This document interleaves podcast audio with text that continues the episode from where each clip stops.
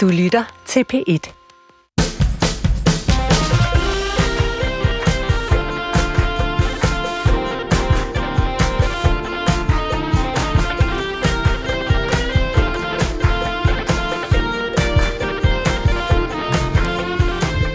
Rigtig hjertelig velkommen til ugen forfra her på FM-båndets program 1. Mit navn er Huxi Bak, og ved min side har jeg som altid Aminata Amanda Kåre.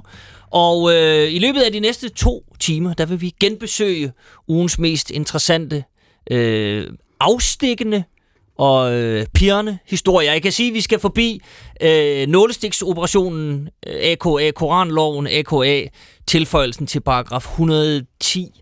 E. Øh, vi skal forbi hestenettet. Vi skal se lidt på en øh, ung kvindelig øh, socialdemokrat, som er kommet i lidt øh, blæsvær. Og det gik ikke så godt, da hun sagde det på Socialdemokratiets kongres. Så skal vi selvfølgelig også tale lidt om øh, abortgrænsen og lidt andre ting. Det skal nok gå alt sammen. Og så vil vi selvfølgelig prøve at se, om ikke vi kan få øh, strikket et par lidt bedre overskrifter sammen, end dem, man har sat på i løbet af ugen, nu vi har tykket lidt på det. Ja, vi, kom, vi har jo for vane at snyde lidt hjemmefra, men må ikke også, vi skal have lavet nogen her live on the air øhm, med vores forrygende gæst, som er dig, Anne-Sophia Hermansen. Det håber jeg, at, øh, at jeg bliver i det her program. Du er øh, kulturkommentator på Weekendavisen, Det er korrekt. og så må jeg også hellere for god ordens skyld deklarere, at du i sin tid headhuntede mig til Berlingske, Det er korrekt. så vi kender hinanden i virkeligheden. Det var simpelthen en af mit livs bedste gerninger, rent professionelt. Jeg kan så godt lide dig. Og det vil jeg bare lige Du er sige. fed, du er fed. Tak for det. Rigtig hyggeligt Hvis der er nogen, der tænker, at det bliver lige hyggeligt nok der i studiet, så er det altså det, der er årsagen. Øh, jeg synes egentlig bare, vi skal kaste os ud i det. Skal vi ikke gøre det? Det synes jeg. For vi har, der er rigeligt Der er at tage fat på i den her uge. rigerligt. Øhm, vi skal starte hos nogle sygeplejersker. På baggrund af Robusthedskommissionens anbefalinger vil regeringen nemlig give et løn, lønløft til øh, social- og sundhed, sundhedsassistenter, pædagoger, fængselsbetjente og sygeplejersker. Mm-hmm. Det kommer ikke gratis. Det kommer på betingelse af, at de skal arbejde øh, mere, de skal lave mere natarbejde, aftenarbejde, weekendarbejde og arbejde mere fuld tid, fordi der altså er flere af dem, der arbejder deltid. Men ifølge Grete Christensen, som er øh, formand for Sygeplejeforeningen, er det en forkert vej at gå. Hun mener ikke, man kan øh, tvinge kvinder til at arbejde fuld tid, da det er dem, der står for arbejdet i hjemmet. Hun siger sådan her. Jeg synes, man bliver nødt til at holde øje for, at vi har et meget kønsopdelt arbejdsmarked i øh, Danmark, og at den offentlige sektor har taget størsteparten af de kvinder, der arbejder, de arbejder faktisk i den offentlige sektor.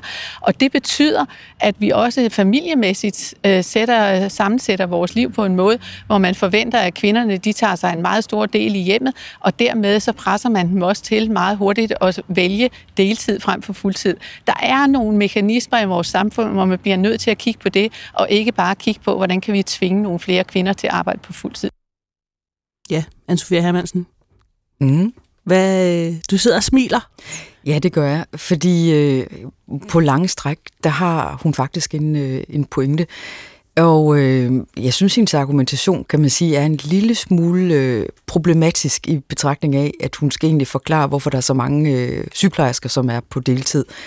Og så, men når man så lukker hendes udsagn op, så giver det umiddelbart mening også, uanset hvor progressiv man er. Fordi det, hun siger, det er, at derhjemme har vi en klassisk fordeling, hvor øh, det er kvinderne, der tager sig af mest øh, husarbejde. Det, viser Rock, det viser Rockwool Fondens undersøgelser jo sådan set øh, også. Vi ved fra øh, fordelingen fordeling af barsel, at det alt overvejende er kvinder, der tager barslen, og det er der også en grund til. Så det, som hun kommer til at, at pege på, det er nogle valg, som i virkeligheden også er private, nemlig hvordan man organiserer sit liv derhjemme, men som har den her spillover-effekt på sygeplejerskerne, så vi ser, at mange af dem, de arbejder ganske enkelt øh, ikke fuldtid, de arbejder alene deltid. Hvordan får vi dem til at skrue op for arbejdsindsatsen? Altså, det, det er jo det interessante spørgsmål. Gør vi det ved at lokke dem med flere penge? Det forsøger regeringen i øjeblikket. Det er den udmelding, der også er kommet fra Mette Frederiksen. Eller er der andre greb, der skal benyttes?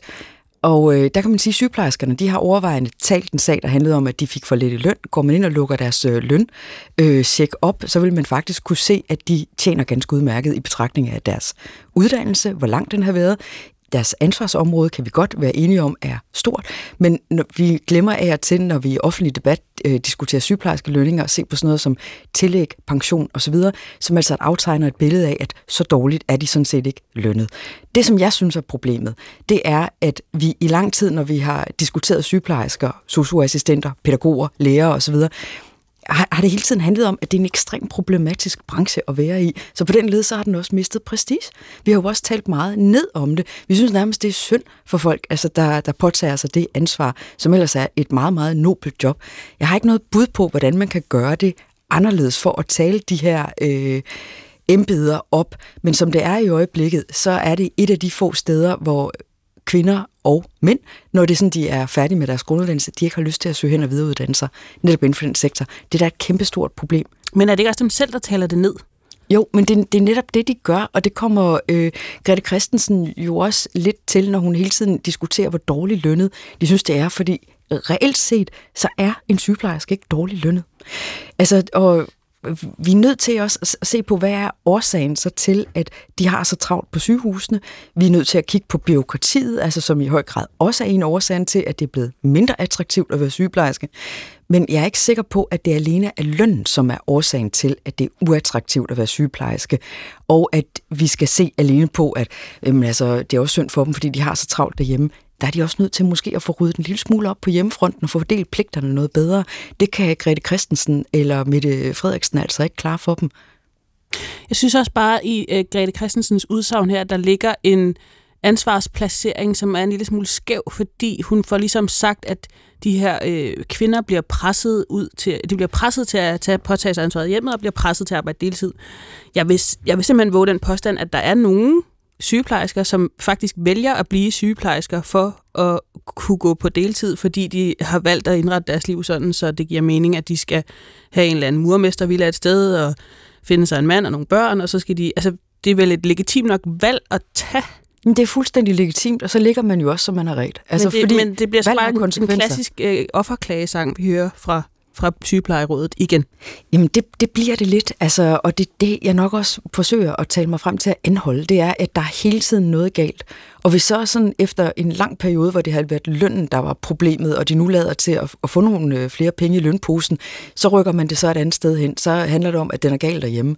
Altså, hvor der, hvor der er tale om en øh, uklar fordeling af pligter, eller i hvert fald en skæv fordeling af pligter. Hvor ligger sygeplejerskernes eget ansvar? Altså for eksempel for at få organiseret deres privatliv noget bedre. Og det der er jo også et klassisk øh, indvending fra en borgerlig position, som jeg jo også selv indtager, det er, at man er også nødt til på hjemmefronten at få ryddet op selv. Find der en ordentlig mand, der gider at tage noget barsel.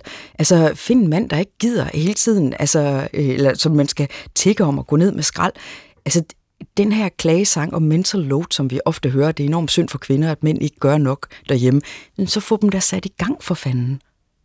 Det er vel i hvert fald en, det er vel, det er vel farligt at sige, at øh, fordi kvindelige sygeplejersker har så meget at lave derhjemme, så, så kan de ikke arbejde. Altså, det argument kan man jo så, det kan øh, pædagogerne jo så også sige, mm. og fængselsbetjentene, og, og alle dem der, altså alle kvinder kan vel sige, men så, jeg kan, det kan jeg heller ikke. Ja. Altså, jeg er lidt i tvivl om, hvor, hvor Grete Christensen vil hen her. Og må jeg spille den her bold ind? Jeg, altså, vi taler jo også om en formand for syg. Det virker som om, at hun måske er en lille smule ude af synk med sin egen sygeplejersker. Ofte? Jamen, altså, altså et par gange har de jo øh, under, under øh, forhandlinger, ligesom, øh, så har hun indgået en aftale, så har alle sygeplejersker sagt, det er en lortaftale. Undskyld mig, det er ikke sikkert, de sagde det så grimt, som jeg sagde det der, men... Det var ikke altså, det, vi ville have. Det var ikke det, vi ville have. Mm. Men Grete Christensen er jo ikke sådan, så meget ude af synk med dem, med, fordi nu har hun faktisk skaffet dem det, som de har bedt om igennem virkelig mange år, nemlig mere løn.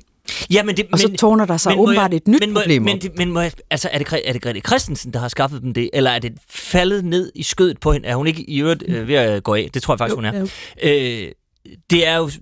Men det er jo en kamp, hun har kæmpet igennem mange år. Jo, jo, men... Ja. Men jeg er bare lidt i tvivl om... om det, er, om det er alle mulige tilfældigheder, der er ramlet sammen her. Men jeg tror, jeg, jeg, synes, jeg, jeg synes, den lander sådan lidt mellem to stole, fordi på, på den ene side, så er det så er det synd for sygeplejerskerne, at de bliver presset til at arbejde i hjemmet, så de ikke kan arbejde, kan arbejde fuldtid. Men på den anden side, så vil det også være synd at få dem til at arbejde fuldtid, fordi de jo skal påtage sig ansvaret i hjemmet. Eller sådan, der bliver... Jamen, den er Man fuldstændig... kan kun tabe den her. Der er ikke Men nogen er det, løsning. Er nu, nu tager vi en løsningshat på, så. Ja. De 3 milliarder, Mette Frederiksen har afsat til det her, Mm. Skulle de i virkeligheden være afsat til mere øh, lige barsel, som du var inde på, anne Sofia, og så videre, sådan, altså nogle mere strukturelle ting, så man kan sige, når der kommer ro på den bagsmæk, så er der flere, der kan komme øh, i gang og arbejde øh, fuld tid osv. osv., osv. Det- At, at pengene bliver postet det forkerte sted hen. Jamen, ja, initiativer er jo i gang, når det kommer til en mere lille fordeling af barselen. Det er jo også noget, som vi har diskuteret herfra og til Sankt Hans Aften igennem øh, virkelig mange år. Korrekt. Altså, men, men der, er- der er to pointer i det her, som jeg synes er en lille smule overset. Det ene, det er, at vi har en tendens til at tale arbejde enormt meget ned i øjeblikket. Så snart Mette Frederiksen hun kommer med udmeldinger, der også handler om, at vi skal arbejde noget mere. Og det er altså også af hårdt arbejde og flid, der er årsagen til, at vi har den velfærds, det velfærdssamfund, vi har. Så, så får hun jo masser af kritik, og skal vi bare være konkurrencestatssoldater og slave for velfærdssamfund osv. Jamen, det er som om, at vi synes, at det er for hårdt og urimeligt at påtage sig et ansvar og gå på arbejde og jorde rundt i hamsterhjulet. Det er noget af det, der faktisk trænger til en bedre fortælling. Der er også en grund til, at man gør en indsats og gør noget for nogle andre end, end en selv. Den del synes jeg egentlig, vi mangler at tage en mere intellektuel og kvalificeret samtale om, som ikke bare er en samtale om, at det er synd. Og det andet, det er det her med, hvis det drejer sig om, at dit privatliv er svært at få til at hænge sammen, fordi der er en øh, urimelig fordeling af pligter, er det så ikke ens eget ansvar at få ryddet op? Altså, der, der går altså også meget offerfortælling i den, og jeg synes, at pressen er enormt beredvillig til hele tiden at lægge mikrofon til nogen, der har ondt af sig selv. Efterhånden begynder man at stille sig selv spørgsmålet, hvem det egentlig er, der er de stærke i samfundet, når det er sådan, at alle permanent gør svage, uanset hvad. Så spørger jeg lige, er det, og det spørger jeg som mand, Mm. Ja. er, det, er det kvindernes ansvar at finde en ordentlig mand, eller er det mændenes ansvar at være ordentlige mænd? Jamen, jeg tror, det, det er jo begge dele. Altså, øh, selvfølgelig skal en er mand... med på, man ikke bare kan sige Selvfølgelig skal en mand tage et ansvar, men, men man må jo også godt gøre sin stilling op som kvinde, i stedet for hele tiden at søge hen til veninderne og beklage sig over, at man synes, at han er for doven og for meget en sofa-kartoffel derhjemme. Mm. Så kunne man jo øh, indlede altså, med faktisk at adressere det til ham. Og hvis det er sådan, at man ikke kan få ham ud af sofaen og få ham til at tage et ansvar, så må man jo også gøre sin stilling op og vurdere, hvis jeg skal gå og brokke mig herfra og til evigheden, er jeg så egentlig ikke bedre tjent med bare at være alene og så tage hele ansvaret selv, for jeg gør det jo i forvejen. Og så ikke have det der store barn, der ligger derhjemme, som jeg også skal passe. Jo, Jeg tror, ja, men der, ja, ja, der, der er noget med den der mental load-debat, som frustrerer mig en lille smule. Fordi der er en underkendelse af kvinden som et voksen, myndigt menneske med ansvaret for eget liv.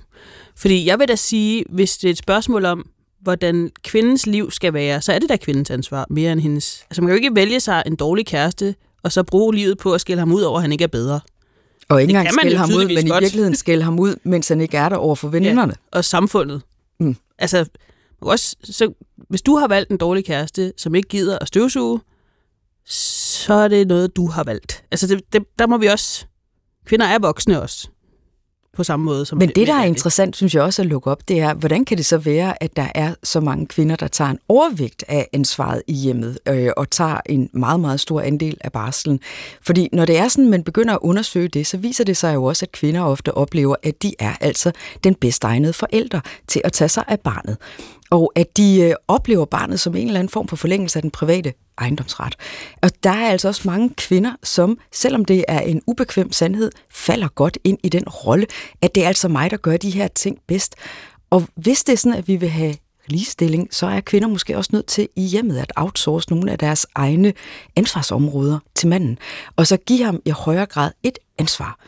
Altså, og vi har diskuteret ligestilling på arbejdspladsen gennem mange år. Det er også vigtigt, og jeg synes, der vi har gjort en hel masse fremskridt. Men når det kommer til domænet derhjemme, der er det altså kvinden, der troner stadigvæk. Og der kunne hun måske afgive en lille smule magt, og særligt også over børnene. For når vi ser på undersøgelser af, hvem er det egentlig, der ønsker øh, den øremærkede barsel, så er, er den der forestilling om, at det er bare manden, der ikke gider at tage øremærket barsel, den holder altså ikke rigtigt i byretten.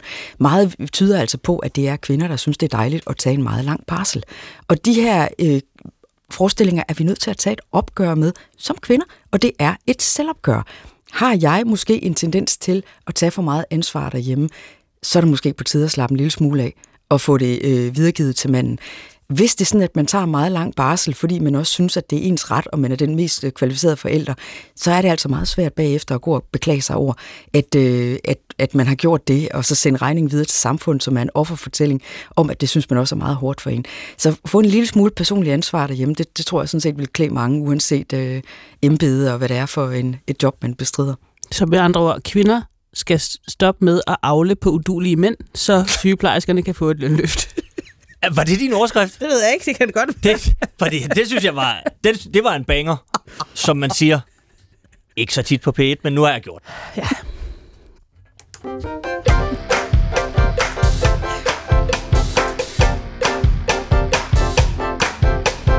Og så vil jeg bare lige som mand ganske kort lige øh, opponere mod, at der bliver avlet på os.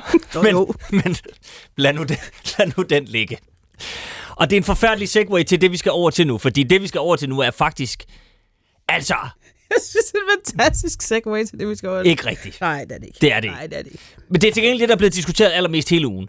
Også på, og det er i virkeligheden det, vi skal frem til, på ret, altså, det her sociale medier viser sig fra deres værste side. Ja. Vi skal øh, tale om abort. Det etiske råd har i denne uge anbefalet at hæve grænsen for abort til 18. graviditetsuge. Og lad os lige høre et, øh, et lille klip med formanden for etisk råd. Han hedder Leif Vestergaard. Fremover bør grænsen for, hvornår man kan få fri abort i Danmark, hæves til 18 uger. Det anbefaler et flertal i det etiske råd. De vigtigste argumenter, det er, at kvinden selv får øh, mulighed for at træffe den beslutning, om hun vil foretage en abort helt frem til 18. uge, at hun får god tid til at foretage sine overvejelser, øh, og at øh, man i øvrigt øh, får et set fra kvindens side bedre system til at fungere. Ja, det var Leif, Vest, Leif Vestergaard, formand for etisk råd. Øh, de har kigget på abortgrænsen ifølge øh, Leif Vestergaard, fordi, ja, nærmest som sådan en lille jubilæumsmarkering. Ja. Øh. Lidt spøjst, men det, det er argumentet åbenbart. Øh, fordi det er 50 år siden, at den frie abort blev indført i Danmark. Øh, og det kom så til en anbefaling af, at man hæver grænsen til øh, 18. uge. Et flertal på 9 ud af de 17 medlemmer i etisk råd øh, stemte øh, Øh, for, eller hvad skal man sige, mener, at øh, grænsen skal ligge på 18 uger. Fire medlemmer vil hæve grænsen til 15 uger, og de sidste fire vil fastholde den nuværende grænse på 12 uger. Øh, sidst, kan jeg lige nævne, man forholdt sig til det, og det var i 2007, og der sagde samtlige medlemmer, vi bliver på 12. Øh, Anne-Sophie Hermansen, hvad, øh, hvad tænker du om det her? Der, der er et andet element i det, som jeg lige øh, trækker frem først, og det, det handler jo blandt andet også om, at øh, man vil gøre det muligt for, øh, for unge kvinder på, øh, på 15 år at få foretaget en abort uden samtidig at skulle have øh, involveret sine forældre i det. Det synes jeg er korrekt at gøre det på den måde. Og jeg synes, det er positivt, at man ikke skal som 15-årig, og i forvejen er et meget ungt menneske og er et sårbart sted, at man så også skal komme øh, ind til sine forældre og, og bringe dem ind i den situation, hvor man egentlig tror jeg, og nu har vi jo også en seksuel lavalder, som jo også sidder 15 år, mm, mm. og øh, at der er man også i stand til at tage et ansvar for sine handlinger, uden at øh, forældrene skal involveres. Det synes jeg er positivt. Når det kommer til den her abortgrænse, jeg synes, det er ekstremt delikat. Altså, fordi jeg er fortaler for, at vi skal have en markering af, hvornår også et øh, liv er et liv. Og øh, jeg har øh, studeret debatterne, der har kørt øh, for fulde øh, gardiner her de seneste uger, og der har det handlet om, øh, at det er et foster, det er et lille barn, der er nogen, der kalder det for et graviditetsprodukt øh, osv., Øhm, hvilket man jo virkelig kan synes er hårdrejsende at, at beskrive det på den måde. Men når en kvinde er nået frem til 18. uge, så har fosteret faktisk udviklet ret mange af de vitale organer. Og det, som jeg synes også filosofisk er interessant at jagtage eller at involvere mig i for debatter, det er, hvornår kan vi begynde at betragte os som et lille menneske? Øhm, jeg er pro-abort, men, men jeg synes også, at der kan komme et tidspunkt, hvor, øh, hvor kvinden er kommet for langt hen, og hvor fosteret er blevet for stort. Og hvor, øh, hvor grænsen imellem, hvad vi synes, vi kan forsvare, øh, det, den, der er vi altså nødt til også at, at se på det med, øh, med nogle mere moralske øjne, og jeg prøver virkelig at bevæge mig altså sådan enormt øh, følsomt her, fordi jeg ved, hvor mange øh, følelser der er i det. Men jeg synes, 18. uge, det lyder som om, at man er langt henne, fordi der begynder man at mærke liv. Og jeg må også tilstå, at jeg er lidt overrasket over, at man kan være så langt henne i sin graviditet, før man eventuelt får foretaget en abort. Jeg har selv barn, jeg har også fået foretaget øh, en abort. Jeg ved godt, hvornår man begynder at mærke, øh, at kroppen forandrer sig, og kan være meget overrasket over, at man kan nå helt hen til 16 uge, før man registrerer, at noget øh, sker i kroppen. Og vi er nødt til også at kunne pålægge et ungt menneske midt i alt det her også et ansvar for at holde en lille smule øje med sin krop, fordi det at få foretaget en abort, det er en alvorlig handling, og det er et indgreb, særligt når man er så langt henne, at man begynder lige så stille at kunne mærke liv. Og det kan man jo deromkring i nogle tilfælde. Øhm, hvordan forholder du dig til, at vi allerede foretager aborter på det tidspunkt? Men det gør vi i, i nogle tilfælde, mm. og det er korrekt, men det, vi rykker meget hurtigt ud i det her glidebaneargument, fordi vi, hvis vi forvejen foretager det i 18 uge, vi gør det også af til længere hen, hvis der er noget galt med barnet, betyder det så, at vi skal rykke abortgrænsen endnu længere hen? Skal det så være 20 uge? Skal det være 22 uge? Hvorfor egentlig ikke altså, at sige, at man kan være øh, 30 uger henne? Altså, fordi i nogle tilfælde, så aborterer kvinder jo også på det tidspunkt. Men jeg tror, at vi gør hinanden en tjeneste ved at se på, hvornår er det, man begynder at mærke liv?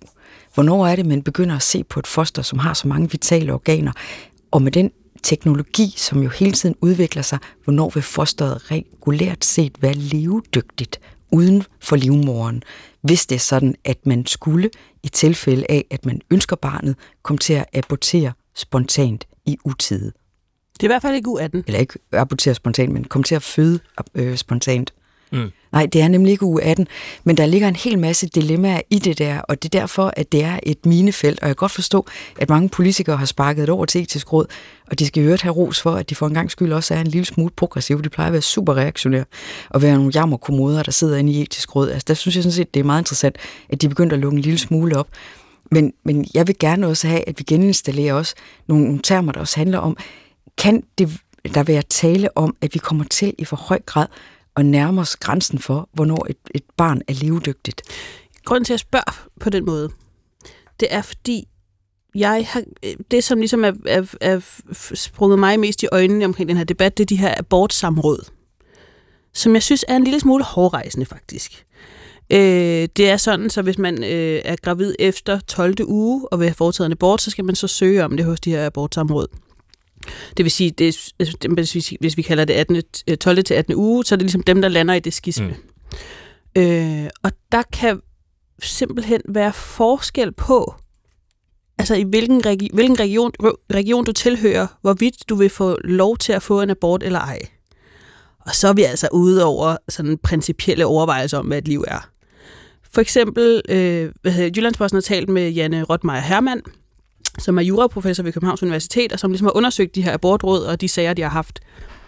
Og nogle steder får man lov til at få en sen abort, hvis øh, man øh, registrerer noget læbeganespalte hos fosteret, og andre steder gør man ikke. Så vi er altså ude i sådan noget med, om en, pers- om en person skal tvinges igennem en uønsket graviditet, afhængigt af, hvor de bor henne. Jamen, det er jo, det er jo det tilfældigheder ikke. og kommunegrænser. Ja. Altså, og så, så bliver det... Det virker ikke godt. Det vil jeg sige. Det, er ikke. det tør jeg godt sige. Det, det synes jeg, jeg ikke er en god ting. men men det, det, nej, altså det, det lyder jo indlysende idiotisk. Altså, at der ikke er ens retningslinjer. Altså, det, ja. det, det er jo ret rystende. Altså, men jeg synes også, det er interessant at lukke debatten op og så se på, hvorfor er den så svær at føre? Altså, hvorfor kommer der hvorfor bliver den tilført så mange øh, følelser? Hvorfor, øh, hvorfor er det så vanskeligt for mange at holde hovedet koldt i det? Altså, øh, Absolut. Og jeg ved godt, at det er fordi, det i natur, af natur også er et meget emotionelt øh, anlæggende, og fordi der er også meget i det med kvindens ret til egen krop, og der skal ikke sidde et samråd, altså bestående sikkert af nogle onde mænd, og træffe afgørelser på vegne af hende øh, og hendes krop og, og den slags. Det jeg selv savner, og det er et super upopulært øh, synspunkt, det er det her med også at have ansvar for egen krop og holde øje med forandringerne. Hallo, din menstruation udbliver. Men er det ikke... Faktisk er, er to ikke, omgange. Men tre altså, er det ikke en særlig dårlig dårlig idé at tvinge man kan sige umiddelbart ressourcesvage mennesker til at sætte børn i verden. Altså der er et eller andet, som går galt der, hvor at det bliver, jo mere ressourcesvag du er, øh, de her øh, årsagerne til, folk, at øh, folk sender ansøgninger til de her abortområder, er jo også sådan noget med sociale omstændigheder, økonomiske mm. omstændigheder. Øh, BT lavede i foråret en gennemgang af nogle af dem, der har fået afslag, som jo er sådan noget med en kvinde, som har været lang tid om at komme ud af et voldeligt forhold, og det har gjort, at hun ligesom missede de 12. uger, men vil meget gerne slippe for at skulle øh, have en ankelkæde om livet til den her voldelige ekskæreste resten af sit liv. Og det her abortsamråd kommer frem til, at hun har så mange gode veninder, som kan hjælpe hende med det, så det skal hun bare, det barn skal hun bare have. Altså det, jo, indiskutabelt. Det, det, jeg, jeg, det sidder forkert på mig, kan man Ja, men øh, det, det tror jeg, det gør på de fleste, fordi hvorfor skal man tvinge nogen, der ikke ønsker et barn, altså til at gennemføre en graviditet? Og vi kender jo også godt jeg har i hvert fald en idé om, hvad bliver det for et liv, det her barn fødes ind i? Mm. Det er det. Og hvorfor også føde et barn med det sår? at moren i virkeligheden ikke har ønsket det. Altså, det er der jo ikke nogen, øh, nogen tvivl om, men det, som jeg bare lige prøver at kippe en lille flag for, det er, vi har altså alt andet lige, også selvom der er nogen, der er meget udsatte, og nogen, der er meget synd for osv., stadigvæk et ansvar for at holde øje med forandringer. I Danmark har vi en, nogle ret fine muligheder for også tidligt at få foretaget en abort, og kvinder, uanset hvilket forhold de er i, eller om de ikke er et forhold, de har muligheden for at få foretaget medicinsk abort også ret tidligt.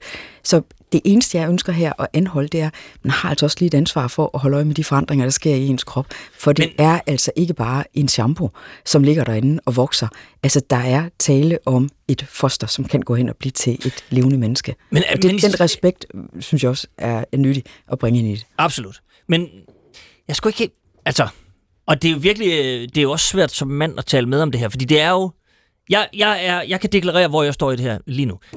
Det, jeg, er, det, jeg synes virkelig, at kvinden skal afgøre det selv. Jeg kan også, at der er mange mænd, der har blandet sig i den her debat med komplet udulig en spark. Altså alle Søren Espersen, der begynder at rode noget med, at det er også noget med DNA og sådan noget. Prøv at høre, en agurk har noget DNA. Vi kan, det kan vi ikke. Nu må du læse op på ting. Det kan vi ikke bruge til noget. Glem det. Bland dig udenom. Men, men men det her med, når du siger, at kvinden skal, skal øh, tage ansvar for sit eget liv og, og, og mærke efter osv., det, hvis nu det glipper, kan hun så ikke så sige, når man efter 12. uge, der tager jeg så ansvar for mit eget liv og siger, jeg vil faktisk jeg, jeg, jeg er ikke i en situation, hvor jeg føler, at jeg kan, jeg kan øh, kapere det her. Jeg, har ikke, jeg ønsker ikke det her barn. Det her barn får ikke et godt liv, og der kan være alle mulige omstændigheder osv. osv., osv. Men på den anden side af 12 uge siger du så, der er der så nogle andre mennesker i et abortråd, der så skal tage det her ansvar. Jamen, jeg forstår så, så synspunktet, og jeg, jeg er heller ikke øh, øh, uenig med dig overhovedet. Jeg øh, er vil mene, at 15 uger vil være en øh, grænse øh, for øh, en abort, i stedet for de eksisterende 12 uger. Det eneste, jeg anholder, det er bare det her med, 18 uger virker på mig, som om man er ret langt henne i sit forløb. Så vil der altid være undtagelser, og vi kan sagtens diskutere de her undtagelser. Øh, men et element, det er det der med, man skal huske lige at holde en lille smule øje med de forandringer, der foregår med ens krop. Det synes jeg ikke er et kontroversielt synspunkt. Altså simpelthen også fordi, at det ikke er en agurk, der ligger derinde. For at bruge dit et eksempel. Der er tale om noget, der kan udvikle sig til at være et menneske. Det synes jeg bare, man skal omgås med stor grad af respekt. Absolut. Og så ja. omkring det her med øh, at der er mænd, der blander sig. Selvfølgelig skal mænd der også kunne blande sig. Også, men det, ved, det men selvfølgelig, deres mænd må gerne blande sig, men det er bare nogle gange, så, altså som i alle debatter, så skal man bare lidt måske sætte sig ind i, hvad det er, vi debatterer. Og det er jo nogle gange det, der bliver noget gak. Men positivt, der er det det her med, at øh, man kan træffe en beslutning, altså som, øh, som ungt menneske, hvor man ikke behøver at involvere sine øh, forældre. Det synes jeg er no-brainer. Helt Klart. Der er meget ja, få, ja. der er imod det. Ja, ja. Danmarks demokraterne, mener jeg. Mm-hmm. Måske Og med hvilken begrundelse? At det, det er for voldsom en ting for et barn at stå med. Om så må du hæve den seksuelle lavalder også. Du kan ikke, de to ting er jo nødt til at gå hånd i hånd. Altså, ellers så bliver det jo mystisk. Jeg, jeg ja, nå, ja, ja, godt. Jeg vil bare sige, jeg øh, øh, hørte, vi har øh, nogle øh, udmærkede kolleger herude, hmm? øh, som laver en podcast, der hedder Tiden. Og der havde de et interview med Anne Mette Vilfang Lykkebo, hun er cheflæge for kvindesygdom og fødsler på Odense Universitetshospital. Hun er øh, altså nede i de her sager. Hun møder de her unge kvinder, og hun foretager de her aborter. Og hun siger, prøv at høre, altså, 18 uger er, det er fint. Fordi det, det er øh, ofte ressourcesvage kvinder, der ender i det her, og det er nogen, som som jo som gerne vil tage ansvar for egen krop, og gerne vil holde øje og sådan noget. Og så er der et eller andet, der glipper, og så videre, og så videre, og så videre. Og hun, pot, hun nævner også det her med, at der, du, du var inde på det her moralske og det ene og det andet, altså, og man skal have respekt for liv og det ene og det andet, og det skal man selvfølgelig, men, men hendes pointe er, og den er virkelig enig i, at man, man skal vel også have respekt for, om man skal bringe et liv til verden, som er uønsket. Mm-hmm. Altså, det gjorde et stort indtryk på mig. Mm-hmm. Men det er jo absolut også en væsentlig pointe, for selvom øh, at vi, vi taler meget, hvad er øh, morens tag, mm. altså sådan det også med barnets tag, kan vi altså virkelig mene, at et barn er tjent med at blive født af en mor, som ikke ønsker det, og hvor, hvor barnet muligvis heller ikke har en far? Altså, så hvis man tænker sådan skridtet videre, og det er jo derfor, at det her det er komplekst, og det er derfor, der er mange holdninger til det, og der er mange indgange også til spørgsmålet. Jeg er fuldstændig fan af, at vi kan få det ventileret, og jeg synes egentlig også godt, at vi må ryge en lille smule i flæsket på hinanden, fordi det er vigtigt. Og, og ja, der er ikke noget barn, der, der er tjent med et liv, hvor det bliver født ind i, i rent, hvad skal man kalde det andet, at det er uønsket. Altså, det, jeg tror ikke, at man kan sætte så mange flere ord på andet, end at øh, det kan vi, vi da heller ikke øh, sidde med åbne øjne og synes, at det, øh, det er fedt, at den mor, hun skal bare gennemføre sin graviditet. Det tror jeg heller ikke, at der er nogen, der vil mene. Men det, men det kan godt, jeg synes godt, det kan få et snært af, når man taler om det her med, at øh, kvinder må også tage ansvaret for den situation, de står i, og de må også kunne vide med deres krop og sådan noget. Der, jeg, jeg kan godt, øh, hvis jeg taler med mennesker, som øh, vælger det standpunkt, få et snært af, at øh, det bliver sådan noget med, så må hun lære det på den hårde måde. Og jeg, mm. så taler vi jo ikke barnets tag overhovedet. Så handler det om, at vi skal, at der er nogle ressources, øh, ressourcesvage kvinder, som på en eller anden måde skal have sig en lektie i form af et uønsket barn. Ja, det bliver der, noget skidt. Tror du egentlig, der er nogen, der siger det? Så kan hun fandme lære det. Det er der jo ikke. Altså, men jeg synes, man skal mindes om, at det her det er øh, et alvorligt anlæggende.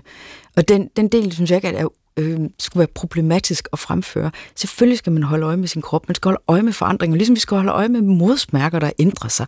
Eller hvis det er sådan, at man pludselig har en knude i sit bryst. Jeg synes, der påviler den enkelte, at man virkelig plejer at holde øje med sin krop. Altså, man kan ikke bare outsource det her ansvar, eller sige, jamen så, øh, så skal der bare være en eller anden løsning på det. Jeg synes, det er vigtigt. Betyder det, at så skal man ikke kunne få en abort efter 12. uge, 15. uge, 18. uge, hvor vi er henne? Nej, det gør det ikke. Men jeg synes, man må godt kunne understrege vigtigheden af det. Mm. Jeg vil også gerne deklarere, at jeg har, ikke, jeg har faktisk ikke nogen stærk holdning til, hvor øh, abortgrænsen skal ligge. Men jeg har det meget svært med abortrådene. Jeg har det meget svært med, at der kan være en, en, en offentlig instans, der træder ind og beslutter om... Altså, der, når, når vi når til den her samtale om, om, hvornår er et liv et liv, så må det være et liv altid. Altså det vil sige, så er et liv med gane, læbe, ganespalte også et liv. Altså så er et liv med Down-syndrom også et liv. Så det bliver hyklerisk, hvis øh, man i nogle kommuner er det her liv værd at bevare, og i andre kommuner er det her ikke værd at bevare. Sådan synes jeg på ingen måde, det skal være. Det er, det er der, jeg synes, man skal sætte ind først og fremmest. Med statistik, altså hvor mange af de her samråd, der egentlig siger nej? Øh, hvor mange af dem, der siger, altså de siger vel alle sammen nej, men af forskellige årsager. Altså siger... Jamen, men hvor ofte de siger nej? Hvor ofte de siger nej, altså til at man kan få øh, udført øh, abort, selvom Jeg man... tror, ja. at, at øh, statistisk bliver der meget sjældent sagt nej. Det er meget, der er meget stor forskel på det fra år til år. Øh, I 2022 blev der afgivet øh, blev der givet 54 afslag på sen abort. Der blev ansøgt i omkring 863. Så det er ikke særlig mange. Og jeg kan mærke, at jeg synes, at øh, den håndfuld kvinder skal have lov til at bestemme over deres eget liv. Og jeg, jeg kan bare at sige, alle, alle er tjent med det. Under hele den her debat er det virkelig som... Altså, det er, meget, det, det er meget svært at sætte sig ind i som mand, fordi man sidder jo på en privilegeret stol. Det her, det sker ikke for os. Og, det, og jeg tror, altså, det er det, der farver, det er det, der skubber mig i retning af, at jeg synes, kvinder skal have lov til at tage den beslutning helt selv. For jeg kan ikke sætte mig ind i, at jeg skulle komme i en situation, hvor der sker noget inde i min krop, hvor jeg så skal op og sidde øh, til en eksamen foran tre mennesker på et kommunekontor, som så skal afgøre, hvad jeg gør i så voldsom en sag det, det vil jeg synes var voldsomt grænseoverskridende. Jeg tror måske, at man fra sådan kvindekæmpers side har, har, har drejet ned ad en forkert vej ved at gøre det til et øh, kvindens valg-emne. Fordi der er meget, til synlædende nogen, som har et sådan lidt umyndigt blik på, hvad en kvinde er i stand til. Så snart vi skal snakke om øh, aborter i samfundet, så, øh, det første, der pipler frem, er interviews i aviserne med kvinder, der har fortrudt at have fået en abort. Altså, så, så man kan sige, at præmissen er lidt, kvinder ved ikke altid, hvad de vil. Så derfor så kan vi ikke overlade det her svære, svære emne til kvinder, fordi noget med følelser og hormoner sikkert. Men det er jo delikat, fordi altså, det er både kvindens egen krop, og samtidig er det ikke kun hendes anlæggende, fordi der er altså også øh, et øh, potentielt lille barn derinde. Og så er der jo sådan den ting, som vi overhovedet ikke har berørt, det er, der kan jo faktisk sidde en mand og Præcis. ønske Det burde være at få parets anlæggende. Ja, netop. Der indgår jo også en mand i den her øh, ligning. Altså, og vi ved ikke med øh, de samråd, der har sagt nej til, at øh, de her øh, 50 kvinder, de ikke har kunne få foretaget en abort, hvor det er, mændene har været stillet i den sag. Men det er også som om, at manden er driblet fuldstændig ud altså at, af det her anlæggende. For nogle år siden, der diskuterede jeg meget juridisk abort øh, for mænd med øh, et hav af, af mennesker. Og en ting, jeg også i agt tog, det var, der var faktisk en del mænd, som øh, ikke blive hørt på nogen som helst måde, som øh, jo enten kunne øh, være i den situation, at de øh, havde haft et one-night stand, og de ikke havde noget ønske overhovedet om at, at være far, og, øh, og f- oplevede også, at, øh, at det blev trukket ned over hovedet på dem, så øh, livsforandrende en, øh, en beslutning, som det jo nu engang er. Og så samtidig, så, så var der faktisk også øh, en, nogen, der sådan er til sagde, at jamen, de havde faktisk et meget stort ønske om at blive far, men de havde været sammen med kvinder, som alligevel havde aborteret uden overhovedet at, at involvere dem. Og det er som om, at vi har besluttet os for, at mænd har bare intet at gøre med det her anlæggende. Og så er modargumentet, og jeg kan se det komme, mener du, at mænd så skal have ret til at bestemme over kvinders kroppe, og så øh, kunne øh, involvere sig i, om de skal have en abort eller ej, og skal de sætte en stopper for det og den slags? Nej, det mener jeg ikke. Men jeg mener, vi er nødt til også lige at have en lille tanke på, at der befinder sig altså også nogle mænd inde i det her øh, kompleks, som vi har lidt en tendens til bare at ekskludere fuldstændig. Og Huxi, du, du siger det nærmest selv, så er der en masse mænd, der blander sig. Jeg, du må nærmest også deklarere, at jeg er selv mand og har en holdning til det her. Jeg mener, at der er også nogen, som, øh, som opsøger for få informationer osv. Hvorfor skulle mænd ikke også kunne involvere sig i den her type eksistentielle debatter? Selvfølgelig kan mænd det. I har da også en aktie i det. Ah, jamen, øh, vi har en stor aktie, men jeg synes bare, og det er jo mærkeligt at sige, men sådan procentuelt, så må man bare sige, det menneske, der skal bære barnet, føde barnet, og i mange, og jeg tror også, det er det, der sådan ligesom øh, går lidt skævt i mange af de her debatter, det menneske, som i mange af de her tilfælde skal være alene med det barn. Det er jo ofte der, vi er. Mm-hmm. Synes jeg skal have lov at bestemme mm. så. Altså, det, det, det er i virkeligheden det. Jeg tror, det, der, det jeg synes var, var vildt ved den her debat, det var også, at, og det er jo nogle gange, altså sådan nogle emner her, du har selv sagt det, Anne-Sophie, det er, og det er delikat, og det, der er ikke nogen nemme løsninger her. Det er en virkelig svær debat.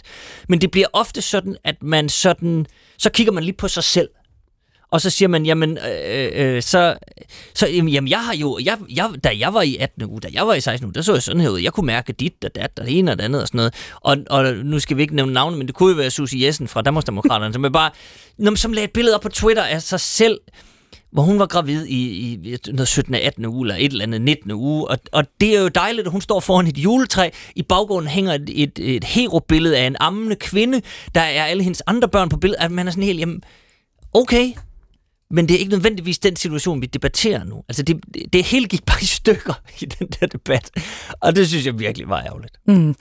Men prøv en gang at forestille jer, at øh, et, øh, et par, de, øh, de går i seng med hinanden, hun bliver gravid, øh, ugerne går og så videre. Han har et meget lidenskabeligt ønske om at blive far. Det har hun ikke. Og de så, hun er 15-16 uger henne. Altså, der, der er nogle dilemmaer i det, som, som jeg bare intellektuelt set synes er ret interessante, fordi der begynder vi jo om et øjeblik også at betragte fosteret som et barn.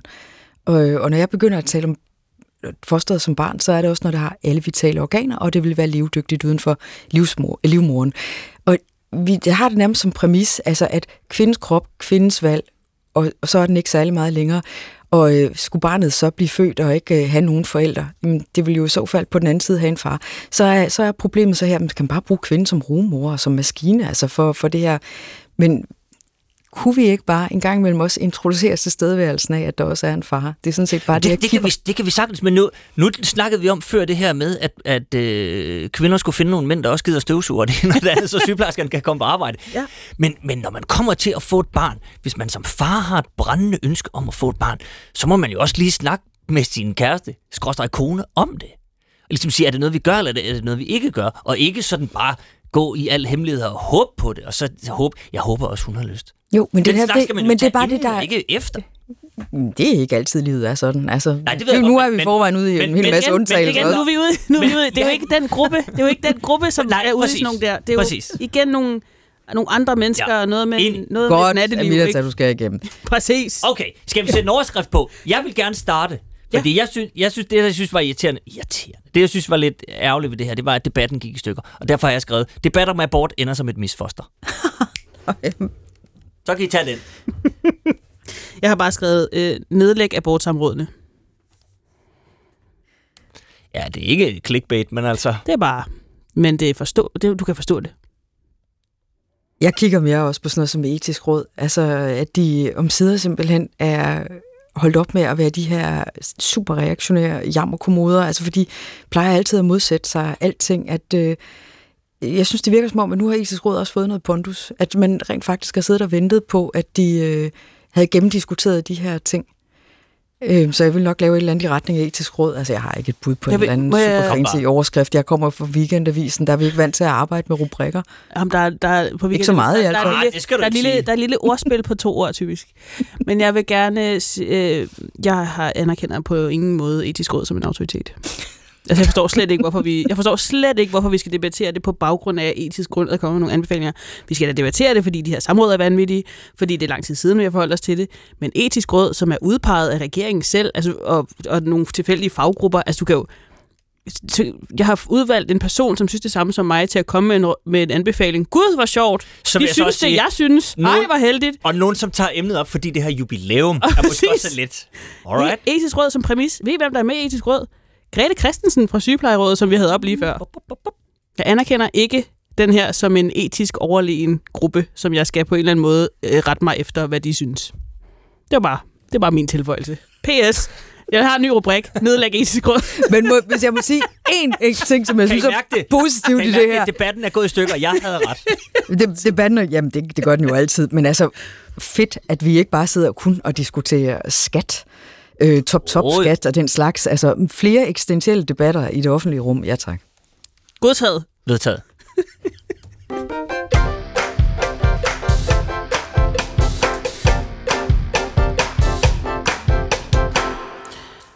Vi skal til et værdigrundlag, som man kan sige Mm. på sin vis ikke er så langt fra det jo. Jeg, vil, jeg gider ikke sige det, jeg vil sige. Øh, Konservative har præsenteret et nyt værdigrundlag. Man kan finde det på deres hjemmeside. Øh, de kalder det deres bud på, hvor Danmark skal bevæge sig hen. Det er en pamflet på 20 sider, Ja. som øh, mest af alt er billeder, vil jeg kalde det. Der er et rigtig fint billede af Søren Pape og Mette Abelgaard med en baby på mausen. Stærke rødder i en omskiftelig tid, lyder overskriften. Der er også et billede af sådan en børnetegning, Ja, altså med sådan en hånd. Det, der, Der der, er klasket fine på. billeder. det er Hvis man kan lide gode stokfotos, Hvis man kan så lide, kan man bare gå der. Og man- der er hvis man- Dannebro, og der er Kronborg. hvis man rejser til Azerbaijan og spørger, om nogen vil lave en karikaturtegning af Danmark, så kunne det være, at det var den her pamflet, der dukkede op. En tilbørlig karikatur. Ganske tilbørlig. Selvfølgelig, men det kan vi Der er, ikke, til. der er ikke nogen, der slår sig på den, tror jeg. Øhm, Nej. teksten er uden politik. Og det er bevidst, fordi de synes, man skal kigge tilbage på det, man kommer fra, for at forstå, hvor man skal hen. Så det er mere følelser, og jeg vil da gerne indrømme, at jeg var nødt til at læse den en 700 gange, for at få en eller anden form for budskab pillet ud af det. Fordi det er noget med familie og generationer og fællesskab og individualisering og dannelse og ansvar og personligt ansvar og mere fællesskab og noget med familie igen. Faktisk ikke noget, som man ikke kan være enig i. Præcis, fordi der står ikke rigtig noget. Men Mere Øh, kærlighed står der mere, også. Ja, ved du hvad, det- Anne og det skal vi nemt. hvor er jeg glad det for, at du siger du det. Fordi jeg kommer, der kommer et lille, tekst, et lille stykke tekst, jeg gerne vil læse op for dig. Øh, det er under temaet Det enkelte menneske i afsnittet Et hvert menneske er født til værdighed. Hot take. Øh, citatet lyder. Vi kan alle have brug for at arbejde på at opføre os bedre. Vi kan elske mere og hjælpe mere. Vi kan lægge vores dårlige sider fra os, og vi kan gøre vores bedste. Men selvom et menneske mister alt og føler bitterhed, knytter der sig stadig en grundlæggende værdighed til dets eksistens. Øhm, Anne-Sophia Hermansen, kan du mærke noget her om den konservative kurs? Vi skal Nej. elske mere og hjælpe mere. Nej, altså, jeg var også øh, ret paf, altså, da jeg sad og læste de her ting igennem. Og der... Altså, forundringen var stor, altså også fordi det her, det, det, kommer fra et politisk parti, og jeg havde nok en formodning om, at når de lægger et værdigrundlag frem, ligger der også en politik i forlængelse deraf. Hvordan vil man understøtte de her værdier? Hvad vil man gøre anderledes? Men, men det Og, er... og skal vi måske bare nævne, at det kommer jo også på baggrund af Annus Horribilis. Yes. At Søren Pape har været i, i, øh, i studiet hos Kåre Kvist og grædet ud og sagt, at det hele har været forfærdeligt. Og nu skal vi genrejse det her parti, der har været bøvl på bagsmækken. Folk har vil stridt ham ud. Øh, KF'er har forladt partiet. Nu, sidste skud i bøssen. Hvad gør vi? Vi skal elske mere. Opføre os bedre. Ja, men man tror jo ikke sin egen øjne, vel? Altså, øhm, og det er jo det her sådan helt øh, evidente kollaps altså, af, af relevans. Det er måske det, der desværre er overskriften, altså på den her historie. Den noterer jeg lige, for den var brutal. At Men- den, den, er, den er brutalt desværre. Altså, jeg må også sige, at det gør helt nærmest helt ondt i hjertet altså på mig at, at læse det der. Altså, fordi det, man kunne ønske sig, at det, de måske i stedet ville begynde at se på, det er vores velfærdssamfund. Hvordan kan vi gøre det mere borgerligt, for eksempel? Det er jo øh, sådan politisk. Altså, hvad med kulturen og dannelsen, som de synes er meget væsentligt, hvordan kan vi så understøtte det? Øh, noget af det, som jeg også jagter, når jeg sidder og læser deres værdigrundlag, det er, at kultur, det handler meget åbenbart om underholdning, altså om også at, at have noget, man kan dele sammen, men kultur handler jo også om identitet, om hvem man er som mennesker og, og som folk, og hvordan øh, stiller vi os i forhold til, at øh, færre læser, for eksempel, altså fordi de fleste sidder fordybet i en skærm. Øh, altså, jeg, jeg savner simpelthen noget meget mere konkret. Jeg håber, det der reklamebureau, eller hvem der er, de har sat på, det kan være, det er noget, de har lavet internt, altså øh, er blevet klækkeligt øh, belønnet for at, at sidde og arbejde så hårdt med at lukke så meget varm luft ud, altså som, som virker formålsløst. Men noget af det, som du nævner før, det er, at det kommer i forlængelse af Natos Horribilis. Det har det været. Altså, konservative er gået fra at have 17 procent, mener jeg, meningsmålingerne, da det var mm. august måned sidste år, til ved valget at ligge omkring de 5,5. Øh, efterfølgende har de jo placeret sig øh, lidt underligt på en lang række sager. De går ikke ind i regeringen, selvom de jo gerne vil være borgerlige stemmer, der arbejder osv., være konsensussøgende, være pragmatiske. Alligevel så kan de ikke finde fodfæste i en regeringsdannelse. Det kan man jo blive ret øh, overrasket over. De placerer sig skævt på en lang række sager, og det gør jo så også lige nu, at der flugt. Altså, øh, vi har set uh, kritik fra både Jakob Axel Nielsen, som er tidligere minister, vi har set det altså fra Steup, som er, jeg tror, han er tidligere generalsekretær sammen med John Wagner. Altså, øh, vi har øh, set Barfod endda som tidligere formand være ude og kritisere partiet Helle Sjælle, der også har meldt sig ind i Moderaterne, og Barfod er jo så stillet op nu som spids, altså også for Moderaterne. Vi ser et dræn også af, af kræfter fra partiet, som søger andre steder hen. Og det virker ikke som om, når jeg fulgte øh, kongressen i Herning her i sidste weekend, at den prop efterhånden må være blevet sat i. Det, som jeg ser på kongressen, det er jo dels, at man har svært ved at kon- øh, diskutere konkret politik, hvilket også er, er overraskende. Og så følger jeg jo også med stor interesse, hvad der er, der sker med Pernille Weiss, deres tidligere EU-parlamentariker, mm. som har haft øh, en række sager med øh, øh, medarbejdere, som har været øh, sygemeldt øh, med stress, og hun er blevet anklaget også for at have hård ledelse. Og hun har jo så øh, også sagt, at det kommer meget bag på hende, at de sager kommer op øh, når det sådan, at det samtidig fremgår, at de sager jo har været undervejs igennem meget lang tid, og har været adresseret til ko- øh, ledelsen igennem flere år. Hun er bare, ifølge sig selv i hvert fald, ikke blevet underrettet derom. Der kan man jo også anholde, har det egentlig ikke også været utrolig dårlig krisehåndtering fra deres side? Er det ordentlighed, at øh, man lige lader hende fortsætte, for hun leverer jo egentlig gode resultater dernede i parlamentet, så øh, begynder man ikke lige at koncentrere sig særlig meget om den her type sager, dem lader man bare køre. Det er jo egentlig ikke særlig, det er jo ikke ordentlighed.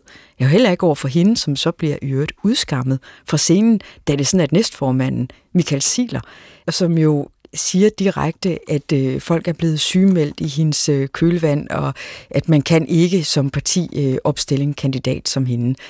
Der er meget af det her, de burde have håndteret langt mere elegant internt, hvis ellers ordentlighed også skal være en kerneværdi. I stedet, i stedet bliver det øh, både meget abrupt håndteret, og det bliver også i høj grad øh, håndteret eksternt. Den der udskamning for scenen har jeg talt med flere år om, og der er jo ikke nogen af dem, der siger, at det der konservative grundværdi, at man bare sidder og, og siger sådan nogle ting for scenen, altså til sit års møde i Herning. Lad mig sige det sådan, at de har i hvert fald ikke elsket hende mere. Nej, det har de ikke. Det, er meget, det handler meget om, at man skal opføre sig ordentligt, og man skal se lidt indad og, og, og, og sådan lidt. det jo, men jeg tror, at det er Jamen, også det... en del af det kildende, det er, at alle har en forskellig definition af, hvad vi siger at være ordentligt. Og hvis man så har det som kerneværdi, jo, bortset, og ikke er enige om, hvad, hvor det egentlig består. Jo, bortset fra, hvis det, hvis det så endelig var nogen, hvor man kunne sige, de har en nogenlunde øh, fasttømret definition af ordentlighed, så, er, så skulle man jo tro, det var de konservative. Som til, som til alle tider har slået på den der ordentlighed. Som nu er blevet meget fluffy. Jamen det er det blevet, men i grunden til, at det også fylder så meget med den her type sager, det er fordi, de ikke har noget politik, der kan fylde mere. Ja. Altså grunden til, at vi diskuterer alle de her øh, følelsesmæssige og private i virkeligheden også, og, men også ledelsesmæssige øh, anlægner, det er jo et, det bliver ikke håndteret professionelt internt, altså i organisationen. Øh, to, Øh, de har ikke noget ordentligt politik på hylderne, som vi synes er relevant nok at, at beskæftige os med. Tre, så kommer de så med et værdigrundlag, som der jo heller ikke kan gøre en kat for stræd, og som jo heller ikke giver en signatur til partiet, fordi de er i en eksistentiel krise. Hvad skal vi med konservative? Moderaterne virker jo lige nu som en noget mere sexet og foxy udgave af konservative, og det er jo derfor, mange også begynder at lægge bedetæpperne af den vej. Når det er sådan, man er et parti i krise, så man skulle da nødt til at komme med nogle bud. Hvad stiller vi op inden for klima eller kultur? Eller hvordan skal vi øh, have øh, velfærdssamfundet øh, stykket sammen? Hvad kunne være en borgerlig udgave? Hvordan får vi mere privatisering af skoler, af institutioner og den slags? Det kan man jo begynde eventuelt at spille ud med. Men nej, siger man så, det gør vi ikke, fordi journalisterne, de er bare sådan nogle mennesker, der synes, det er meget mere interessant at interessere sig for, for personanlægner. Jamen det er fordi, lige nu har I ikke andet end personanlægner, og meget lidt politik til syneladende. Men øh, nu, skal jeg, nu skal jeg passe på, hvordan jeg formulerer det her, fordi det kan komme til at lyde som om, at jeg spørger ind til et personanlæggende, og det gør jeg måske også. Men altså, hvis, hvis, hvis du så skal give en eller anden anbefaling, altså er der... Jeg fik det billede, da jeg cyklede her ind i morges, der tænk, kom jeg til at tænke på, om, om der er et eller andet med, med Søren Pape, og det handler mere om sådan... Vi har set en masse politikere forlade Christiansborg, Carsten Lauritsen, alle mulige, som sådan har sagt, at, prøv, at jeg var fanget i noget, som jeg faktisk overhovedet ikke havde lyst til at sidde i. Og den vibe kan jeg godt lidt få af Søren Pape også. Man tænker sådan, jamen, altså det, du har selv siddet og sagt, at det var forfærdelig håndtering, alt det, du lavede under valgkampen. Så kan man sige, så, så, så, det var bare, så skal du bare finde noget andet, du er god til. Det ville være dejligt. Det ville også være godt for partiet, men sandelig også for din egen skyld. Hvis du, hvis du er fanget i et eller andet. Politik er et benhårdt game det, politik er, at sådan nogen som mig sidder og snakker om, hvordan du har det inde i lige nu i radioen. Det er jo også helt skørt. Altså, hvad, hvad tænker du, Ansvig? Skal, altså... Flere forskellige ting. For det jeg første... ved godt, det ikke er sådan en... Kan vi bare lige plukke noget ud her? Jamen, for, for det første, jeg, jeg er faktisk ved at være en lille smule fedt op. Altså, øh, politikere, der skal sidde og fortælle om, hvor hårdt det er at være dem. Altså, øh, der er min grænse nok ved at være nået. Altså, jeg vil hellere have en kompetent politiker, end en meget følelsesladet politiker, der taler om, hvor hårdt det er at være ham. Altså, øh, og det, det lyder enormt barsk, og måske også øh, ret usympatisk. Altså, men kan vi ikke snart få sat en prop altså, i alle de her bekendelseshistorier, øh, og så se en lille smule på, hvordan driver vi et af verdens bedste og rigeste og, og lykkeligste samfund? Øh, jeg er personligt træt af, af den øh, diskussion. Altså, og jeg så også interviewet med Kåre Kvist og krummede altså til, det må jeg skulle tilstå. Altså, lad os høre i stedet, hvad det, Søren Pape han har på hylderne, hvis det er sådan, han vil tage et politisk ansvar og fortsætte ved at stille i spidsen for partiet. For sådan det virker på mig, det er, at han er der lige nu kun, fordi der ikke er en anden, der har meldt sin ankomst.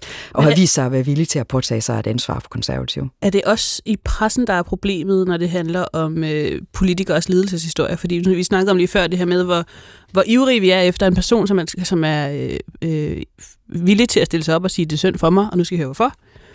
Øh, hungrer vi lidt også efter en politiker, der vil sige, det er synd for dem? Jeg tror, vi hungrer efter en politiker, der kommer med nogle løsninger i stedet for. Mm. Og sidder og fortæller om, hvor, hvor hårdt vedkommende har haft det. Og det betyder ikke, at det ikke er barsk at være politiker, fordi det er det. Det tror jeg, de fleste kan se øh, på lang afstand. Jeg tror også, at der er mange, der betakker sig for at tage et politisk ansvar, fordi det er hårde odds, man er stillet overfor. Når det er sagt, så er det samtidig også øh, et, en branche, som er båret af de væsentlige idéer og det store engagement. Det vil jeg gerne høre noget mere om. Mm. Så skal man måske også lige huske, og det er bare lige en tilføjelse til, hvad, til den bro, jeg selv gik ud af lige før med, med Søren Pape. Der sidder jo stadigvæk også et stort apparat og, og rådgiver. Altså det virker som om alle er rådvilde i det parti. Det er jo ikke kun øh, toppen af kransekagen. Altså der, der er vel meget, der... Er en stor pose, der skal rystes. Jeg vil sige, de, de, de konservative kommunikationsfolk var allerede til synligheden på udebane under valgkampen. Ikke? Der, der var der nogle ting, der foregik der, som man godt kunne have tænkt. Korrekt. Skulle vi have en Nå, øh, øh, kære venner, vi har, øh, der, der er en radiovis øh, undervejs. Vi skal have sat en overskrift på det her. Jeg noterede, Anne-Sophie Hermansen, at du skrev, den er brutal, men det kan jo nogle gange være godt. Konservativ, et kollaps af relevans. Det synes, er jeg, god. jeg synes, den er rigtig god. Mm. Jeg havde skrevet, og min er blødere, men altså... Jeg havde skrevet, krammeterapi skal redde de konservative. Uffe Elbæk overvejer medlemskab. Det var bare for lige. Det er sjovt. men jeg synes, at kollaps af relevans er... Der er mere power i den. Det ene udelukker ikke det andet. Det er to forskellige historier. Vi tager dem begge to.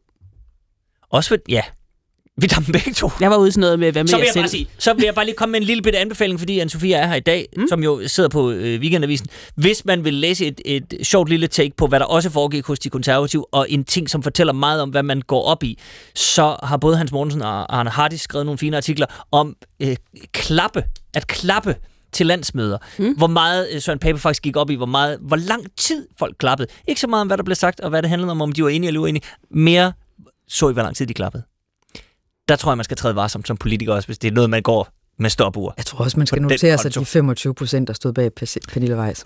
Det tror jeg bestemt også. Den kan man tykke over, mens man øh, tykker på, hedder det, mens man hører en radiovis. Så er vi tilbage lige om lidt.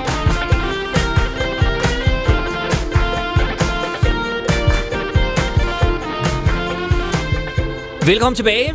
Vi er i fuld sving med øh, ugen forfra. Aminata Amanda Kåre og undertegnet Huxi Bak i glimrende selskab med øh, kulturkommentator på Weekendavisen, øh, Anna-Sophia Hermansen.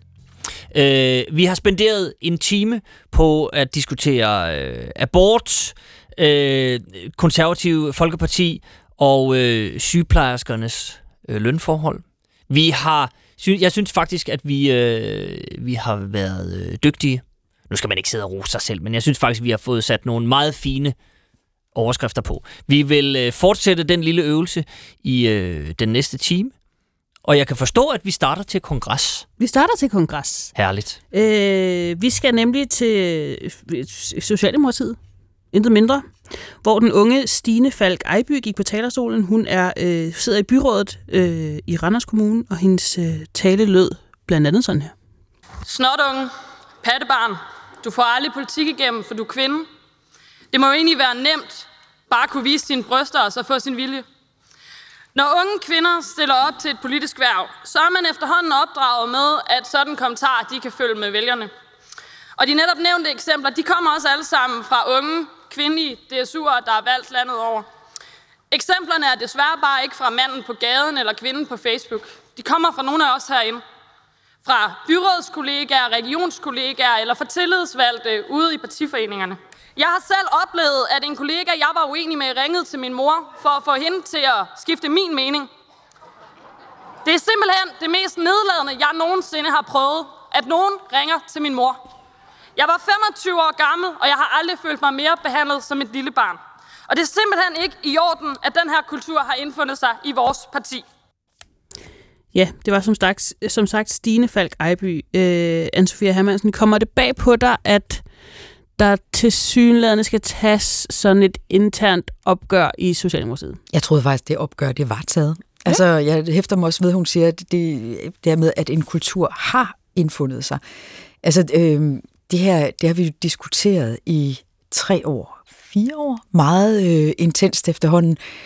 Jeg giver hende da 100% ret i, at meget af det der er totalt uacceptabelt, og det er langt ud, at der er nogen, der ringer til hendes mor for at få hende til at skifte mening. Altså, det er jo til grin.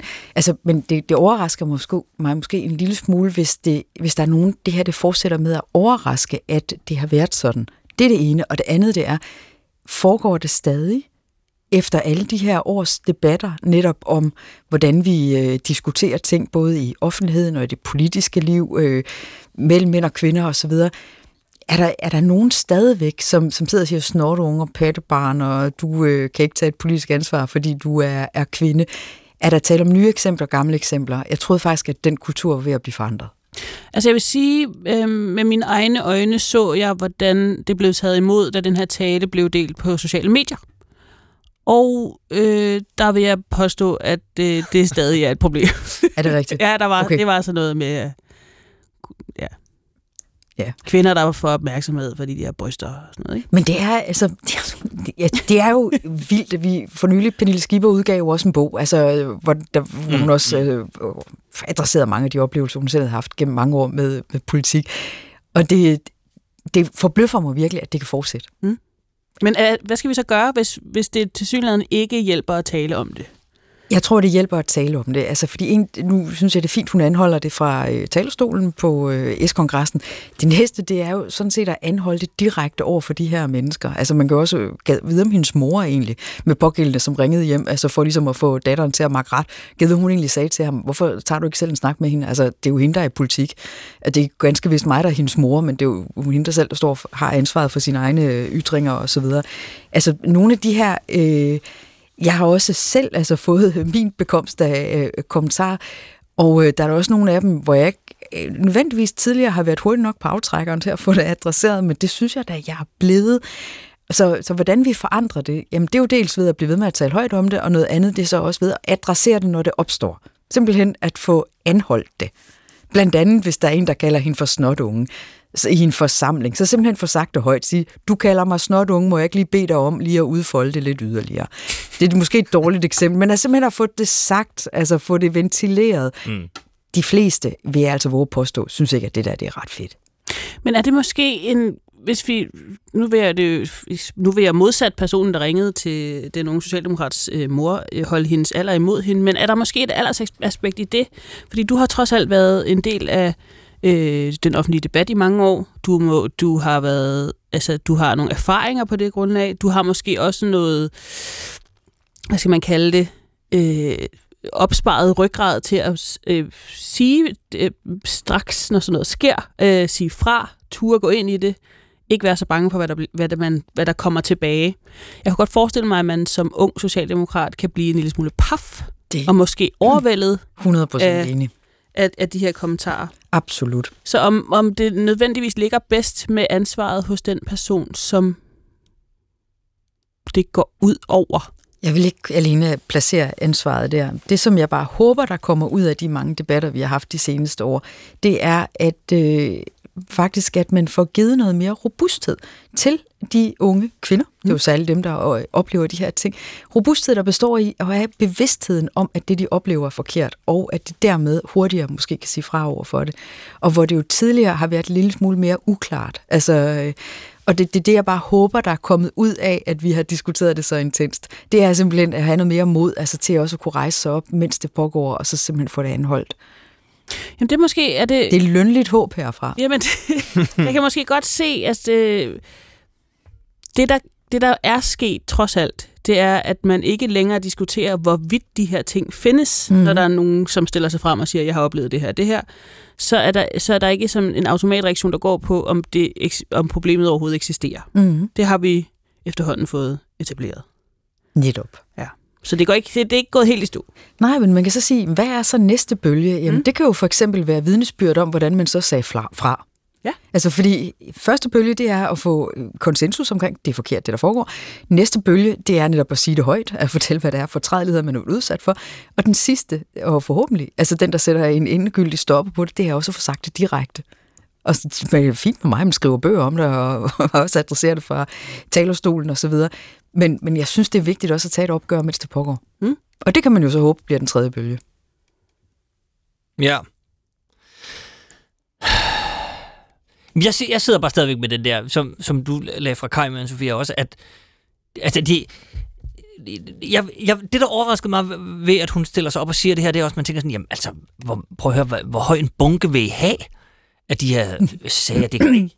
Nu, nu, nu, det burde have været et punkt sidste år på jeres kongres, eller forrige år, eller et eller andet. Vi kan ikke, altså, vi, det overrasker mig virkelig, at der, der er meget snak om det, men der bliver ikke sådan rigtig taget øh, hånd om det. Derfor har jeg skrevet, jeg, har bare, jeg kan godt lide, det er bare lige en deloverskrift. Hmm? Jeg blev meget inspireret og kom til at skrive, ny forskning viser, at i rummet og i Socialdemokratiet kan ingen høre dig skrige. altså, det er ligesom bare...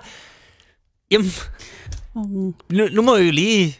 Ja, Nå, men der bliver talt noget, der kommer meget, der bliver talt ud om det, men der kommer ikke rigtig noget ind. Og det, jo- og det er jo ikke, nu så kan vi sige det om Socialdemokratiet, men det sker jo også alle mulige andre steder, i alle mulige andre brancher. Det er sådan, jamen, altså det kan jo ikke, det minder lidt om dengang, øh, da det ligesom begyndte at bulle lidt i en branche, så er det som om, gud, det er kun i den, er simpelthen noget forfærdeligt, noget i filmindustrien. Jeg tænkte sådan, ja, lad os nu lige se, om ikke der er andre brancher, hvor, hvor der også er, sidder nogle mænd, som gør præcis det. Jeg tror ikke, det er branchedefineret, det her. Nej, men jeg, Altså- altså, jeg tror også, at min, mit umiddelbare take, da jeg så det, øh, den her video, tænkte jeg, det der, det der old news, eller det der Ja, lidt men déjà vu, ikke? Ja, men det er måske også et problem i sig selv. Jeg skulle lige til at sige, det er et problem. I hvert fald, tænker, det er da kedeligt. Jamen, det tror Buh, jeg. det har ja. du sagt. Øh, set før. Men også, at der, der skete jo ikke rigtig mere efter det. Der, jeg har da ikke hørt nogen sådan adressere. Altså, Det der- som jeg har læst Ah. dækningen, så kom der thumbs up fra øh, Mette Frederiksen, som jeg er ret overbevist om, bakker fuldstændig op om øh, Det- et opgør det med øh, sexisme og sådan noget, men, men det var det, vi har slået det fast rigtig mange gange. Tænk, at det bliver ved med at pågå. Hertil, så kunne jeg egentlig også godt være nysgerrig. Altså, hvad sker der i hovedet på de her, altså, der ringer hjem til en forælder og beder om at få deres øh, datter til at makke ret, fordi der altså er en politisk øh, uenighed. Den her mor, altså hvis jeg modtog sådan et opkald, altså jeg har øh, både tre øh, bonusdøtre, jeg har også en søn. Hvis jeg fik sådan et opkald på vegne af dem, så tror jeg også, det håber jeg i hvert fald, at jeg vil have kølighed nok til at, at, og, at sige til dem, hvorfor ringer du egentlig altså til mig? Min, altså børnene er myndige, altså øh, hvorfor henvender du dig egentlig ikke direkte til dem? Altså prøv sådan at undersøge, det er det ene, ikke? og det næste det er også, så øh, kan vi ikke også godt af og til måske sige, at øh, hvis egentlig man skal prøve at tænke lidt med de her mennesker, altså som jo så kommer med hårde kommentarer, at der er til kan være tale om også en generationskløft. At der er en ældre generation, som måske øh, er lidt mere kontante i deres øh, tilgang, hvor der måske ikke nødvendigvis ligger en total desavouering og undervurdering af det enkelte menneske, men at man kan have en hård tone. Hvis I har set den her balladen om kolonihaven, så vil man faktisk kunne se en ret fin generationskløft, som kører ned langs øh, havegangen. Og hvor øh, de ældre, øh, de får jo også anholdt deres tone.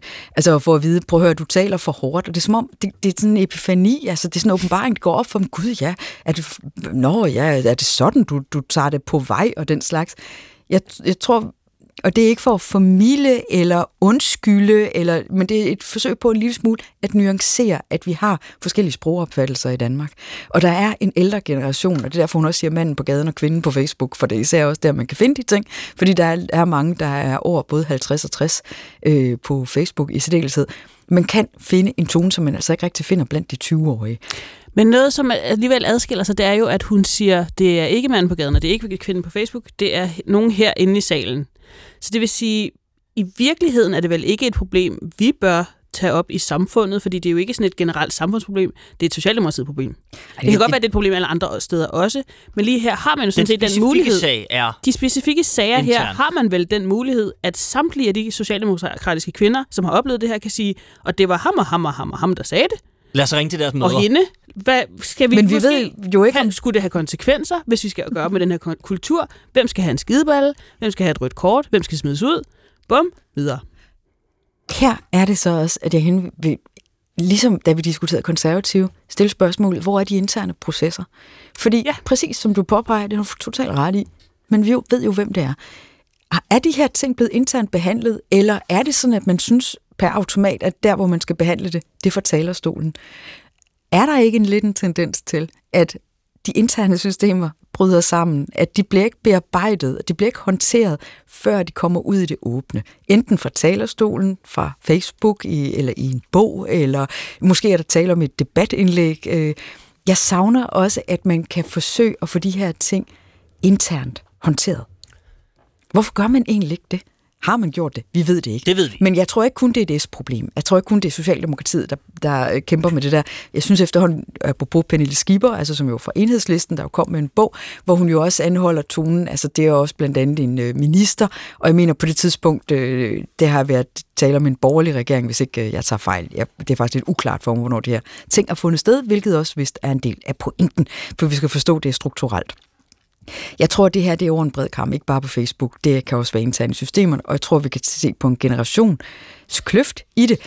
Men jeg synes, de skal begynde at tage et opgør med sig selv. Nærmest ligesom kvinderne derhjemme, altså, som også gerne vil gå ud og beklage sig over alle de der idiotiske mænd, der ikke gider støvsuge. Måske kunne man også tage ansvaret hjem en lille smule til at begynde med, og så også ligesom få bearbejdet tingene der. Jamen, Hvor, det- hvorfor er det gået af mode egentlig? Jamen, det er det, det er det, jeg mener, for vi kan jo ikke som udgangspunkt, man kan ikke pålægge en øh, Facebook-kommentator et ansvar, fordi man må godt sige noget dumt. Det, det, det er der ikke nogen, der ligesom kommer efter dig for. Men man kan jo godt sige, inden, i, inden for vores parti har vi nogle retningslinjer, der gør, at Til det du, her byrådsmøde. til det her Jeg byrådsmøde, vil godt lige... hvis du, hvis, du, hvis du skriver til en ung socialdemokrat på 17 år, at øh, vi kun hører efter, hvad hun siger, fordi hun har bryster, så skal du ikke være med her. Altså, det, det er ikke noget, vi tillader i vores fællesskab, som vi har, som er, man skal være, som kræver et medlemskab, som vi kan tage fra dig. Altså, det, det er vel der, man kan sætte ind. Jamen netop, det er det, jeg mener med det interne. Men også skal sige, jamen, det kommer at føre, at der er nogen her, der omtaler andre medlemmer som snotvalpe. Hmm. Det er bare lige minde om, det accepterer vi ikke. Altså, det kunne man jo også håndtere på den måde, og behøver ikke man må gerne skrive debatindlæg om det. Man må også gerne tale om det fra en talerstol, den er jeg med på. Men internt, Det er faktisk det er tit en god øvelse, hvis man, hvis man er sådan en type. Hvis man skriver et debatindlæg, fordi hvis man ser det på skrift.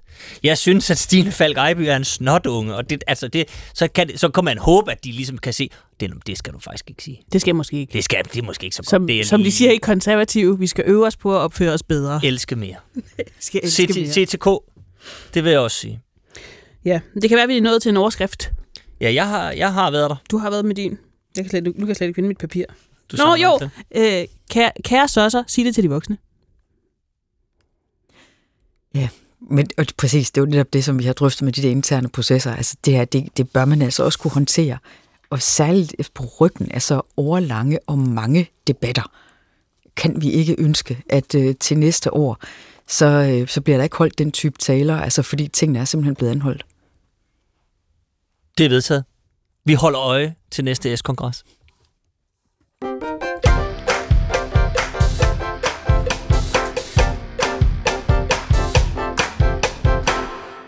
Vi iler videre øh, til en sag, som vi har øh, debatteret i mange uger efterhånden. Det drejer sig om, at vi snart får ikke en ny lov, men en ny tilføjelse til en lov, straffelovens paragraf 110e, Øh, og det handler om utilbørlig omgang med religiøse symboler. Eller, som vores justitsminister Peter Hummelgaard betegner det, en nålestiksoperation. Lille bitte prik. Øh, den er øh, i høring nu, eller forslaget er, er i høring, og har fået massiv kritik fra kunstnere, forfattere, journalister, komikere osv. osv., osv. Men øh, Peter Hummelgaard øh, fastholder, at det er altså et lille bitte indgreb, det er en nålestiksoperation. Øh, operation. Vi har et lille klip med ham her fra P1 Morgen.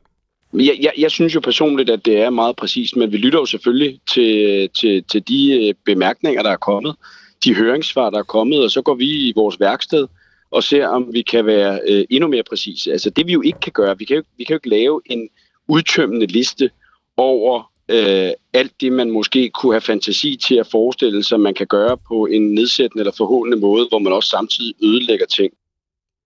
Ja. Han øh, uddyber også til øh, politikken, tror jeg. Øh, vi må erkende, at det er meget, meget få promiller af det danske samfund og vores samfundsliv, der overhovedet bliver berørt af det her. Der var, altså, jeg kunne tænke mig, at vi lige, os tre lige talte om det der, altså definitionen af af et nålestik. Ja. Jeg synes, det er bare fordi, altså, det, kan, det er vel ikke sådan, at bare fordi ganske få bliver berørt af noget, at det så, altså det, så kan det jo godt være, der ligger en mand på operationsbordet, men bare fordi det kun er ham, operationen går ud over, er det ikke nødvendigvis et nålestik.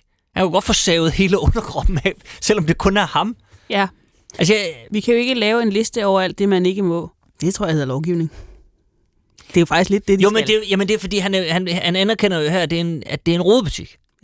Men det Altså- altså, er det også. Altså, det er jo ekstremt kompliceret. Jeg kan næsten ikke forestille mig nogen, der ikke er dødtræt i øvrigt af den her debat. Altså, der jo har kørt, øh, har den kørt i en måned nu? Ja, det er omkring, ikke? Lidt mere, tror jeg. Det, som jeg synes er det positive, det er, at kunstnere er kommet på banen. De var ellers lidt svære at ryge ud til at begynde med. Jeg ved, at der var flere medier, der forsøgte at ringe rundt til forskellige og spørge dem, hvad de syntes om, øh, om de her ting. Og der, øh, der gik altså en uges tid før pludselig, så dukkede de så frem, og så var de der i massevis. Det siger jo noget om, hvordan kunstnere tit bevæger sig mere i flok, selvom man skulle tro, de var individualister. Der var en, øh, en fantastisk artikel, ap- ap- apropos Weekendavisen, øh, hvor øh, der blev ringet rundt til alle museumsdirektørerne, og der var bare ingen af dem, der lige havde tid. Nej, Og det er selvfølgelig ærgerligt. Det var så Det er ærgerligt, selvfølgelig- hvordan det var på stribe Men det er på noget andet. det er, det er ret sigende, og det er interessant, at det er en, en gruppe, der også er så helt ekstremt konsensussøgende. Ikke? Altså selvom mm. det her, det er jo især noget, der berører kunsten. En ting, som jeg også noterede mig, det er i flere debatter, at det var som om, at det var gået sådan fuldstændig hen over hovedet, altså på Peter Hummelgaard og andre, at øh, det her, det kunne berøre kunsten i så høj grad. Det er som om, man ikke rigtig har haft det sådan øh, præsent, at øh, den kunstneriske frihed selvfølgelig også ville blive angrebet af det her. Jeg hørte en debat blandt andet med Bjørn øh, Brandenburg, tror jeg. Socialdemokratisk, Brandenburg, øh, Præcis. ordfører, Hvor ja, ja. det var som om, at han aldrig havde hørt om Jens Jørgen Thorsen, eller... øh, Han, ikke, det, var ikke, det var ikke som Pedersen? om, han udtalte, at han ikke kendte Jens Jørgen Thorsen. Ja, altså, Så det, det gjorde han ikke. og det, øh, Peter Hummelgaard har jo også sådan henstillet til, at øh, prøv nu at lave det der, altså lav lidt maleri og dansen dans og, og så Skab videre. noget. Skab et eller andet i stedet for. Men jeg synes, det er positivt, at nu de om sider så er kommet på banen, og vi har også haft et væld af eksempler. Hvad med Madonna like prayer? Altså, øh, vil hun kunne øh, lave de ting, altså uden at det var strafbart? Øh, hvad med Jesus øh, sandalerne for Kvickly, som jo også var en kæmpe debat altså for mange år siden, og hvad med det, og hvad med det, og hvad med det, og så videre, hvor jeg tror, at for mange er det pludselig måske også for mange politikere, som ikke altid er, er vant til måske at engagere så meget i kulturlivet, har de fået blik for, i hvor høj grad religion indgår i forskellige kunstneriske produktioner. Mm. Jamen, jeg vil gerne anerkende, at det her er ikke nogen nem opgave. Jeg vil aldrig nogensinde sige ja til at overtage Peter Hummelgaards job. Altså nogensinde, men slet ikke lige nu. Øh, det er meget, meget besværligt det her, men det jeg finder meget forstemmende, det er, jeg siger det lige ud, altså uærligheden om bevæggrundene for det her. At man sådan er, jamen, uh, nej, nej, nej, det, det er sandelig, det er ikke fordi, vi bliver presset fra nogen side eller sådan noget, det er, det er nærmest, altså jævnfør, hvad vi taler om før, det er en jubilæumsbeslutning, nærmest, vi har taget. Det er bare fordi, vi synes lige, det var på tide, at vi lige fik kigget på det her, og det bliver en lille bitte nålestik-operation, men det passer jo ikke. Der er jo massivt pres, I giver efter for et massivt pres, og så laver I et kæmpe indgreb. Og det kan, I kan godt lade som om, at det er det ikke, men, men, men hvis det ikke kan forklares, så kan det ikke forsvares. Det er jo sådan en gammel øh, ord. Og det, og det er det, han er endt i her, og derfor bliver det noget gak. Tror du ikke godt, han ved det? Jo, han ved det godt. Jamen, det, og det er jo det, der, jeg synes, det er, det, er, det er det værste ved det. Det ved han jo godt, men det kan han jo ikke. Men han tør ikke at sige det. Han, han, nu, er, nu er de gravet sig ned i sådan et stort hul, at nu kan han ikke sige det. Nu er det for sent at sige det. Ja, det er det. Altså, øh, det er virkelig for husfredens skyld. Man må sige, at øh, det her, det er, det er undervejs, og han forsøger også at padle og sige, at vi skal tilbage i værksedet, og vi må også lige kigge på korrektioner og så Ja, videre. ja, ja, selvfølgelig. Men virkeligheden er jo den, som jeg også tror, at det var Flemming Rose, der engang skrev i en leder øh, i Jyllandsposten, vold virker. Og øh, Ja, ja. Åh. det her, det, vi må lige så godt erkende, altså, at det her, det er simpelthen på ryggen af frygt. Og Ja. det er desværre sandheden. Så hvad stiller man op i den situation? Der er virkelig splid i huset. Og øh, jeg kan godt forstå, at de må sidde og rive sig i håret og held og lykke altså med at få det her landet på en måde, altså, som ikke kommer til at krænke den kunstneriske frihed og ytringsfriheden 10.000 andre ting. Jeg glæder mig meget til at se, hvor det lander, og jeg tror ikke, det bliver et smukt sted. det tror jeg sandelig heller ikke. Efter, altså, en lille tilføjelse til det her, det er, at øh, man har jo ligesom... Der er en masse, der stiller spørgsmål til. Hvad, hvad kan, nu ved jeg godt, Peter Hummelgaard siger, at han vil ikke lave en, en udtømmende liste over, hvad man ikke må, osv., osv., osv. Men der er nogen, der har stillet nogle spørgsmål. Og blandt andet er der blevet svaret på, der er nogle bemærkninger til, til lovforslag osv., som kan være sådan lidt svære at forstå, fordi altså, hvad, hvad er vi ude i her? Hvad, øh, genstande, som er er væsentlig betydning for en religion, det kan være hvad som helst. Øh, så er der nogen, der spørger, jamen hvad med et kors? Man kan jo sige, det er et relativt øh, væsentligt øh, symbol for den kristne tro, øh, men det må man gerne øh, brænde af. Men mindre det er et katolsk krucifix, så må man ikke. Men det, der også ligger i det her, det er, at den almindelige politimand, der kommer gående hen ad gaden og ser noget flammende optøjer, skal kunne skelne mellem et almindeligt kors og et, og et katolsk krucifiks, og i øvrigt også kunne, aner, kunne gætte sig til, hvad almindelige mennesker, som ikke har en anerkendt religion, har øh, sat sig for. Altså, de er jo... Og det kan de ikke, har de det, selv sagt. Selvfølgelig kan de ikke det. Men det er da meget nemt. Hænger Jesus på korset, ja eller nej? Det er forskellen på kors og krucifiks. Sværere er det sådan set ikke. Altså, jo, men jeg siger bare, hvis der er ild i det i forvejen, så kan, I, og det ligger lidt væk, jeg siger bare, det er jo ikke... Altså, Jamen, det er rigtigt. Men altså, de har sat sig Øjeblik, selv på en fuldstændig Øjeblik. vanvidsopgave. Side. Det brændende kors der. Har, er der eller har der været en brændende Jesus på det? Altså, det er jo...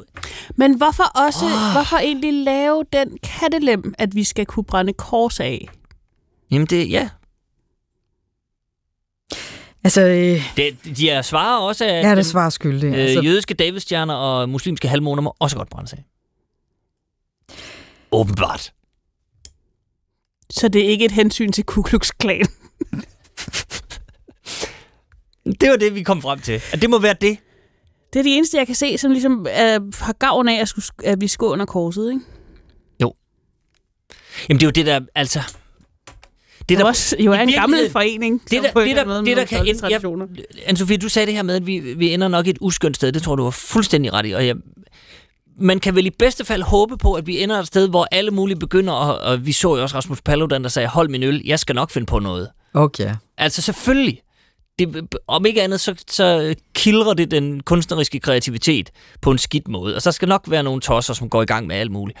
Og så kan man måske håbe på, at det bliver sådan noget, hvor domstolene vil være på så gyngende grund, at de ligesom siger, vi kan, vi kan ikke dømme nogen efter det her. Altså det, det, det sejler for meget her. Kan det være en modsætning i sig selv at lave en så rodet lov, som der aldrig er nogen, der kommer til at... Nå, men det er det, jeg tænker, at kan, kan det være, at Peter Hummelgaard er genial?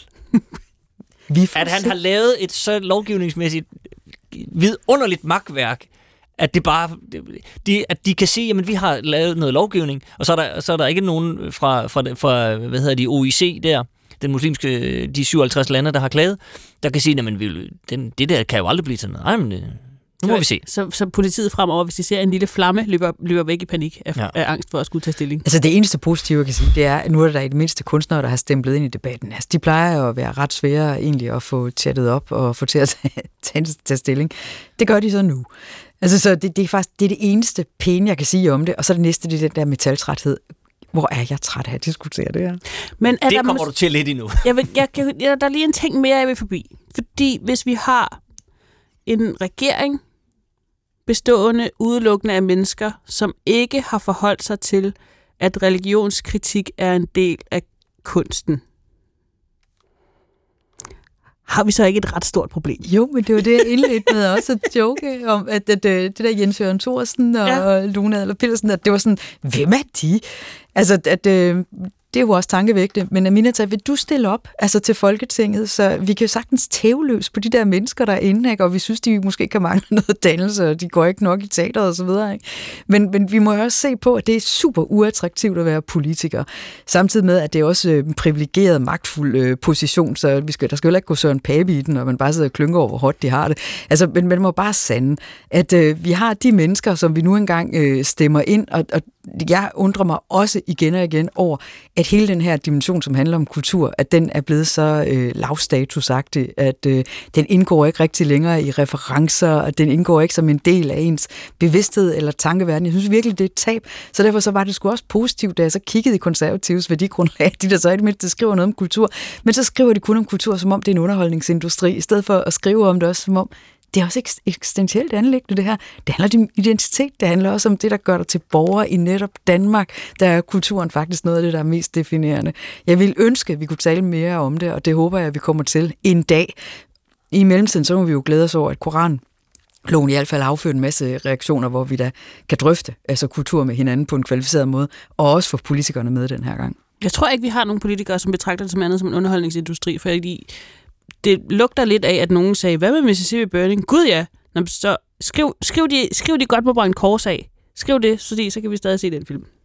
Ja, vi, ja, hvis vi skal ende et sted med det her, så kan vi, så kan vi godt anerkende, øh, hvad anne sagde. Øh, Det, altså, det er et utaknemmeligt værv at stille sig op som øh, politiker. Og, og, og hele den der Har du nogensinde overvejet det, Huxi? Nej, det vil Gud, jeg ikke har. Tror du det? Nej, jeg er bare Nå, nysgerrig. nej, nej, nej. Jamen, det, Det kunne da godt være. Aldrig nogensinde. Du har stillet op en gang, ikke? Jo, det har jeg nemlig. Og det varede også kun tre måneder. Så måtte jeg indse... Det, Træk i land igen, Det var for... Jamen, jeg blev faktisk forført. Jeg blev så benovet. Altså over at blive spurgt. Øh, og så øh, heldigvis så fik jeg jo så tænkt mig lidt bedre om for, for alles vedkommende var det bedre, at jeg fik tænkt mig lidt om. Men, men det, som egentlig gjorde også, at jeg gik ind i politik engang, eller havde intentioner om det, det var, at måske skal der også være en balance mellem, hvor mange der kommenterer det politiske, og så hvem der tager et ansvar. Og det er jo sådan en debat, jeg egentlig har haft med mig selv, også i alle årene, der er gået i mellemtiden, nu er det over 10 år siden. Det er, er vi, har vi fået forskudt det her balancepunkt mellem kommentariatet og så dem, der tager øh, det konkrete ansvar?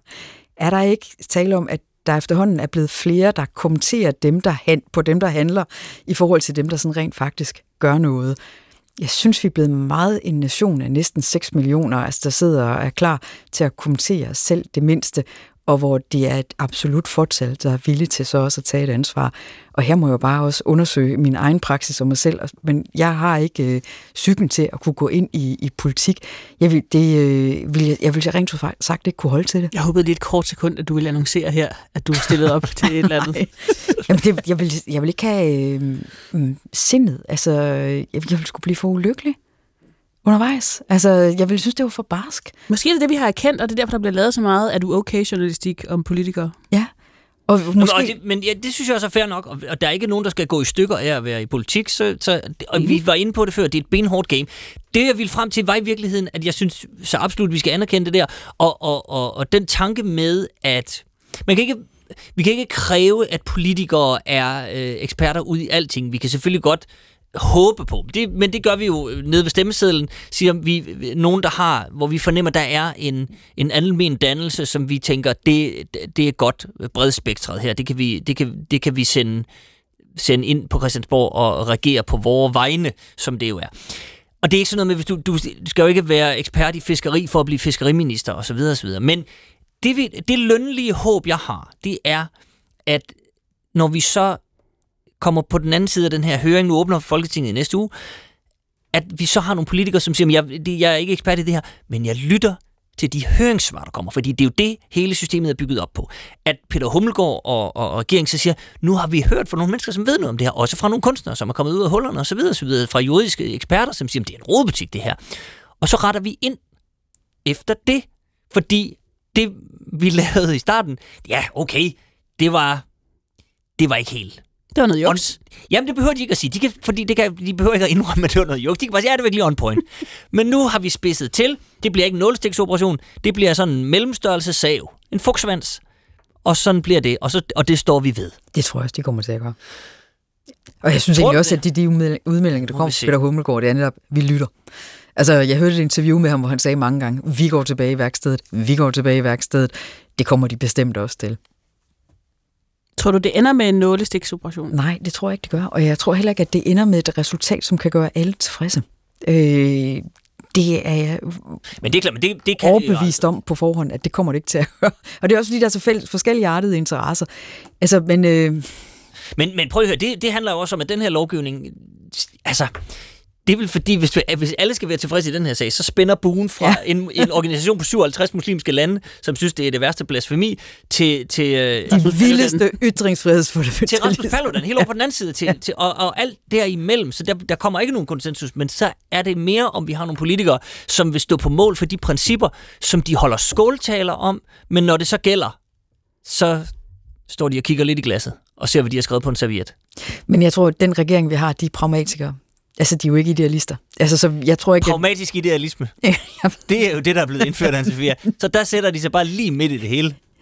Ja, det går nok Det også, bliver jeg siger. spændende i hvert fald. Pragmatisk idealisme, ja. Idealistisk pragmatisme, kan man jo. Whatever. Altså, held og lykke. Godt, man ikke er politiker. Til gengæld, så vil jeg så sige, at som... Det er ikke nogen dårlig overskrift. Godt, man ikke er Jeg politiker, ja, det er overskriften. Det vil sige, som kulturkommentator, man kommer der aldrig nogensinde til at mangle emner at kommentere. Og det er derfor, der er så mange af os. Der er fast Ja, vi, er jo arbejde. lidt, vi er lidt bekymret for det der med, at man ikke må kommentere på det, fordi så skal vi da til at lukke det her program. Nå, så lad os komme hurtigt videre. Videre!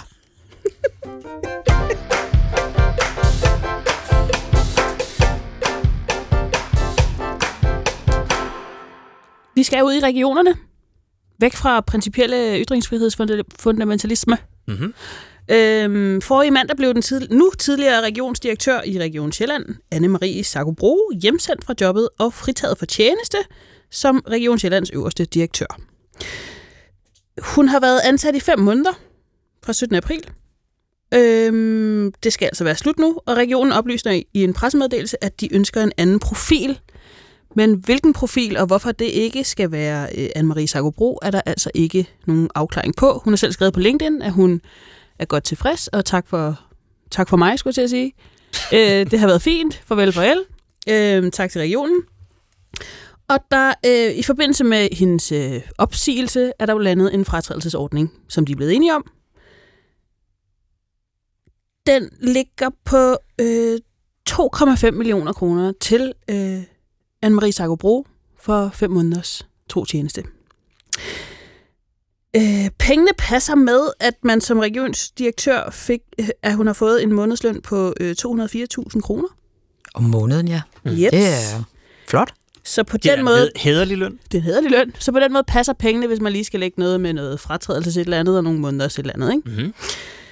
Øhm, Anne-Sophia Hermansen, hvis man kigger på, at det jo til synlædende er fem måneders utilfredsstillende trotjeneste, kunne man så forestille sig, at regionerne kunne finde noget andet at bruge 2,5 millioner kroner på?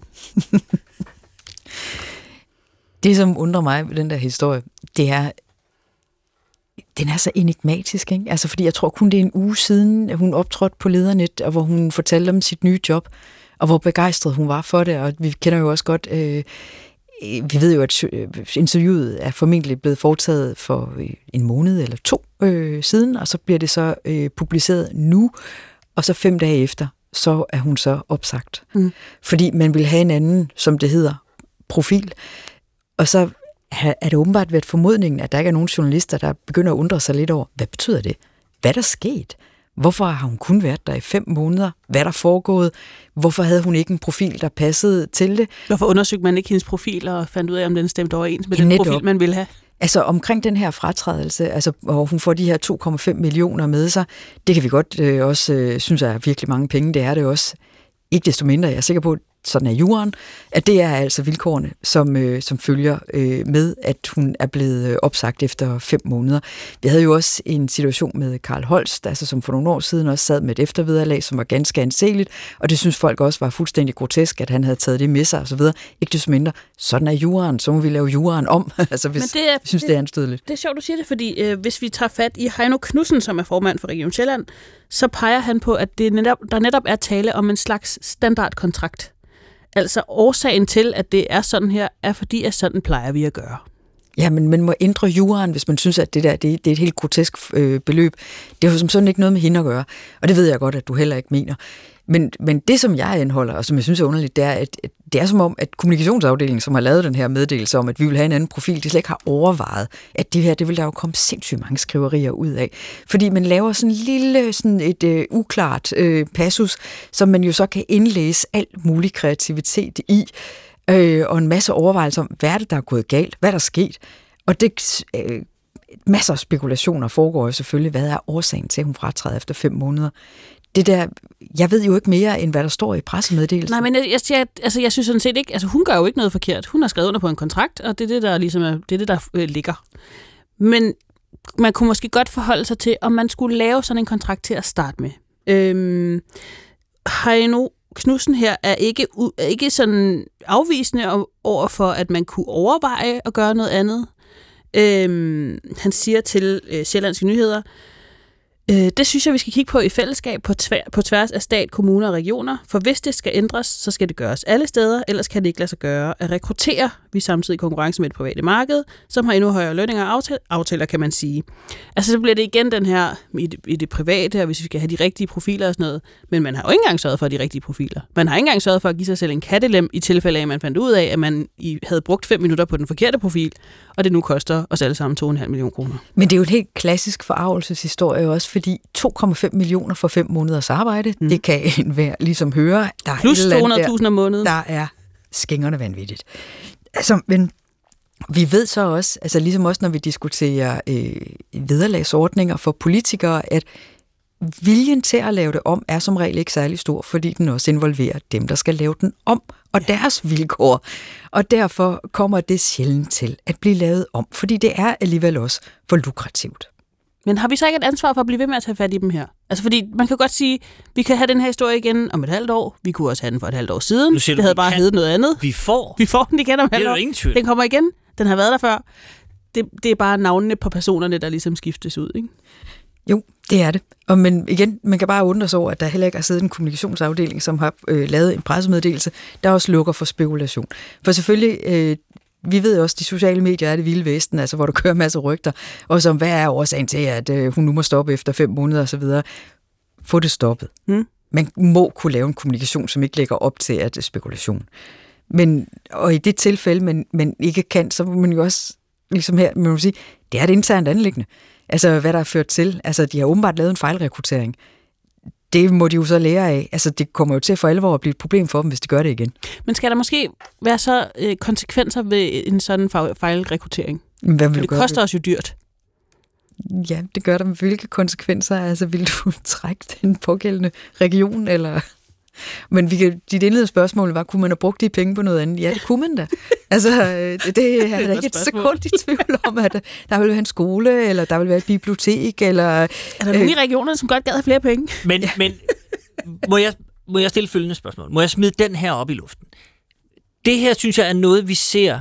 Vi har set det masser af gange, og vi har set det på, er både i det offentlige, men også i det private. Altså, der, vi kan også, der var også nogle skøre eksempler for, hvis man går år tilbage, i Danske Bank, hvor de får ansat, øh, jeg tror han hedder Arvin Kolding, han, han var sådan en rædderimand, som de tænkte, han kan da sikkert også føre bank. Det kunne han så overhovedet ikke. Og Det var jo privat. Altså, Ja, jamen, det ved jeg godt, det er privat, men, men, men sagen er bare det der med, fordi det er også sådan en forarvelseshistorie. Jeg tror, han fik 23 millioner kroner for at have øh, afsk- for at smidt 100.000 kunder ud af banken, og det gik af helvede til.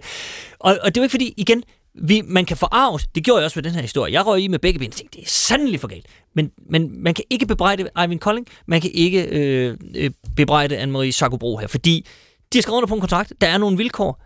Her, take the money and run, som Jens Honing vil sige, hvis man kan huske ham. Øh, men det, der er mærkeligt, det er, jeg forstår ikke, at man i det private eller det øh, offentlige ikke på et tidspunkt lige har tænkt, at det bliver ved med at fuck op for os, det her. Vi er nødt til at kunne lave nogle kontrakter, som er, jeg er med på argumentet, med at vi skal kunne tiltrække, og der er kun en vis mængde af folk, som kan bestride de her topposter osv., osv., osv. Men der må jo alligevel være en mængde af folk, som siger, 204.000 om måneden, det er stadigvæk en udmærket løn, og jeg, jeg er da nogenlunde kompetent, det kan jeg godt sige ja til. Og jeg kan godt leve med det faktum, at hvis vi, at vi indføjer i min kontrakt, at hvis det går galt på den ene eller den anden måde, hvis jeg, hvis jeg ødelægger noget, eller hvis vi bliver enige om det her, det var ikke lige det, det var den forkerte profil, whatever, så får jeg ikke i pose og sæk for at stoppe. Så stopper vi bare samarbejdet. Det kan jeg ikke forstå, at man ikke kan finde ud af. Og en af grundene, tror jeg, er, øh, som Heino Knudsen sagde det her med, at der er ikke nogen, der, der, er ikke nogen, der tænker, når, når det sker. Jamen, det er en standardkontrakt. Sådan plejer vi at gøre. Fint. Men, Men skal vi... det næste det er også, er der nogen, der for alvor har en interesse internt i systemet i at lave det om? Det kunne jo ikke ud over dem selv. Ja, nu, ja, det er jeg med på, men så, så må der sidde nogen højere op eller lavere øh, i, i, på stigen og sige, det duer jo ikke det her. Så må, du, så må, så må, de, så må Mette Frederiksen stemple ind. Ja, og sige, og så vil man jo også kunne pege tilbage på Mette Frederiksen og på de øh, vederlagsbetingelser, som følger i halen på, at du har bestredet dit politiske embede gennem nogle år, så har du også en ret til så og så meget pension og så videre. Altså, det, det, det er jo et system, hvor man, man peger på hinanden, og hvor man jo så siger til dem, er der så en tredje instans, der, der kan blande sig? Ja, det er jo så offentligheden. Yes. Det er jo så os, der, der sidder og drøfter den her sag, og som hver eneste gang, der øh, er en øh, person, som falder ud altså af et politisk parti. Øh, vi de har diskuteret jo også, hvad stiller vi op med de mange løsgængere, som måske heller ikke altid passer de møder, som de skal møde op til og stemmer What? i folketingssalen og så videre. Hvad stiller vi også op der? Altså, der, der, der er masser af ting at, at gribe fat i, men, men faktum er bare, at den stilling, som hun har bestredet, det er ikke usædvanligt at have en løn, der ligger der. Jamen, det, jamen, det, og jeg anfægter ikke lønniveauet. Blot håndteringen. Det er ikke hånden. Jamen, det er meget... Øh, jeg har ikke skrevet hånden, men jeg har skrevet... Det er ikke den fordærvede... jeg kan næsten ikke få det, få det læst op. Det er den fordærvede pølse, ikke buksernes skyld, at du skider i dem. Var den for kryptisk? Meget kryptisk. Men det virker bare som om, at det er nogen, der ligesom siger, prøv at jeg, jeg har fået diarré. Det er nogle mærkelige bukser. Nej, det, det, det, det er inden det sker, at der skal sættes ind. Ja, Ja.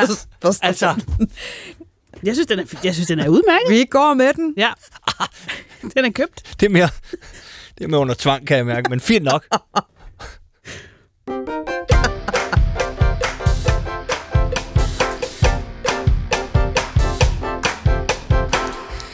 Vi bliver i... Øh... Ja, vi tager lige... Vi tager lige nu, det lyder øh, ikke et skridt ned, det lyder sådan på den måde, men vi skal fra en region til en kommune. Vi skal til Odense, fordi der har kommunens økonomiudvalg i onsdags øh, stort set vedtaget. Det bliver endelig vedtaget øh, øh, i oktober. Man regner med, at det går igennem, fordi der er flertal for det. Man har vedtaget et forbud mod snus, tykketobak, e-cigaretter og vapes og, hold fast, puffbars. Jeg må slå op, hvad puffbars er. Det er sådan nogle indgangs øh, øh, vape-cigaretter. Det er Som man noget, kan- noget ungt noget. Det er noget ungt noget, lige præcis. Øh, og dermed bliver den nye, øh, nuværende rygepolitik altså ud, udvidet fra at gælde almindelige cigaretter og øh, e-cigaretter til at omfatte ligesom alt, der har noget med tobak og nikotin at gøre. Øh, og man gør det blandt andet fordi, at man vil sende et signal til unge mennesker. Og det øh, kan jeg i princippet kun støtte. Det, det er usundt at ryge, det ved vi, det ved alle, og så videre. Øhm, og så øh, siger øh, politisk ordfører for Socialdemokratiet i Odense, Cecilie Crawley, jeg synes, det er enormt vigtigt, at vi over for vores unge mennesker siger, at det her, det skal man ikke bruge. Men Anne-Sophie Hermansen, jeg kunne tænke mig lige at di- diskutere det her med, om der er forskel på, om skal og må. Mm. Jeg synes umiddelbart, det lyder lidt voldsomt, det her. Jeg, jeg ryger ikke. Jeg har aldrig røget. Jeg synes, det er... Det er noget pjat. Jeg bryder mig ikke om det. Det lugter. Det er noget grimt noget. Men jeg, men jeg anerkender, at hvis der er en, en, en, en mand, som kører rundt og slår græs i Odense Kommune ude ved, ved en motorvejssammenflætning eller et eller andet, at han ikke må bruge snus, synes jeg måske er lige voldsomt nok. Det er det da også. Det er da dybt invasivt. Altså, øh, jeg har egentlig forståelse for rygepolitik. Jeg arbejdede i en periode for kræftens øh, bekæmpelse, og der, det var i begyndelsen, det var slutningen af 90'erne og begyndelsen af 0'erne, og der blev det sådan indført, på matriklen er der rygeforbud. Og det, var, det grinede vi sådan lidt af, jeg synes, det var langt ude og så videre, og wow. Men efterhånden så begyndte vi egentlig også at forstå det der med kræftens bekæmpelse, og man så bare står med en smøg, altså øh, lige der, hvor øh, der også kommer gæster og så videre. Det kunne man egentlig, vi egentlig godt efterhånden begynde at forstå, at det var ikke bare et personligt anlæggende, altså, men det var egentlig også et anlæggende for organisationen, og især mm. også sådan et image-anlæggende. Og der især også, når man tænker på, hvad kræftens bekæmpelse er for en organisation, så kan man sige, men der burde burde, bør man måske også, når man arbejder i begyndelsen, at, at gennemlyse sig selv og overveje, "Ah, kan jeg egentlig sidde med helt åbne øjne og, og fortælle om, hvor, hvor uhensigtsmæssigt det er, så samtidig gå ud bagefter og ryge en af øh, 20 cigaretter. Det kan godt være, at der er en ubalance der. Ikke?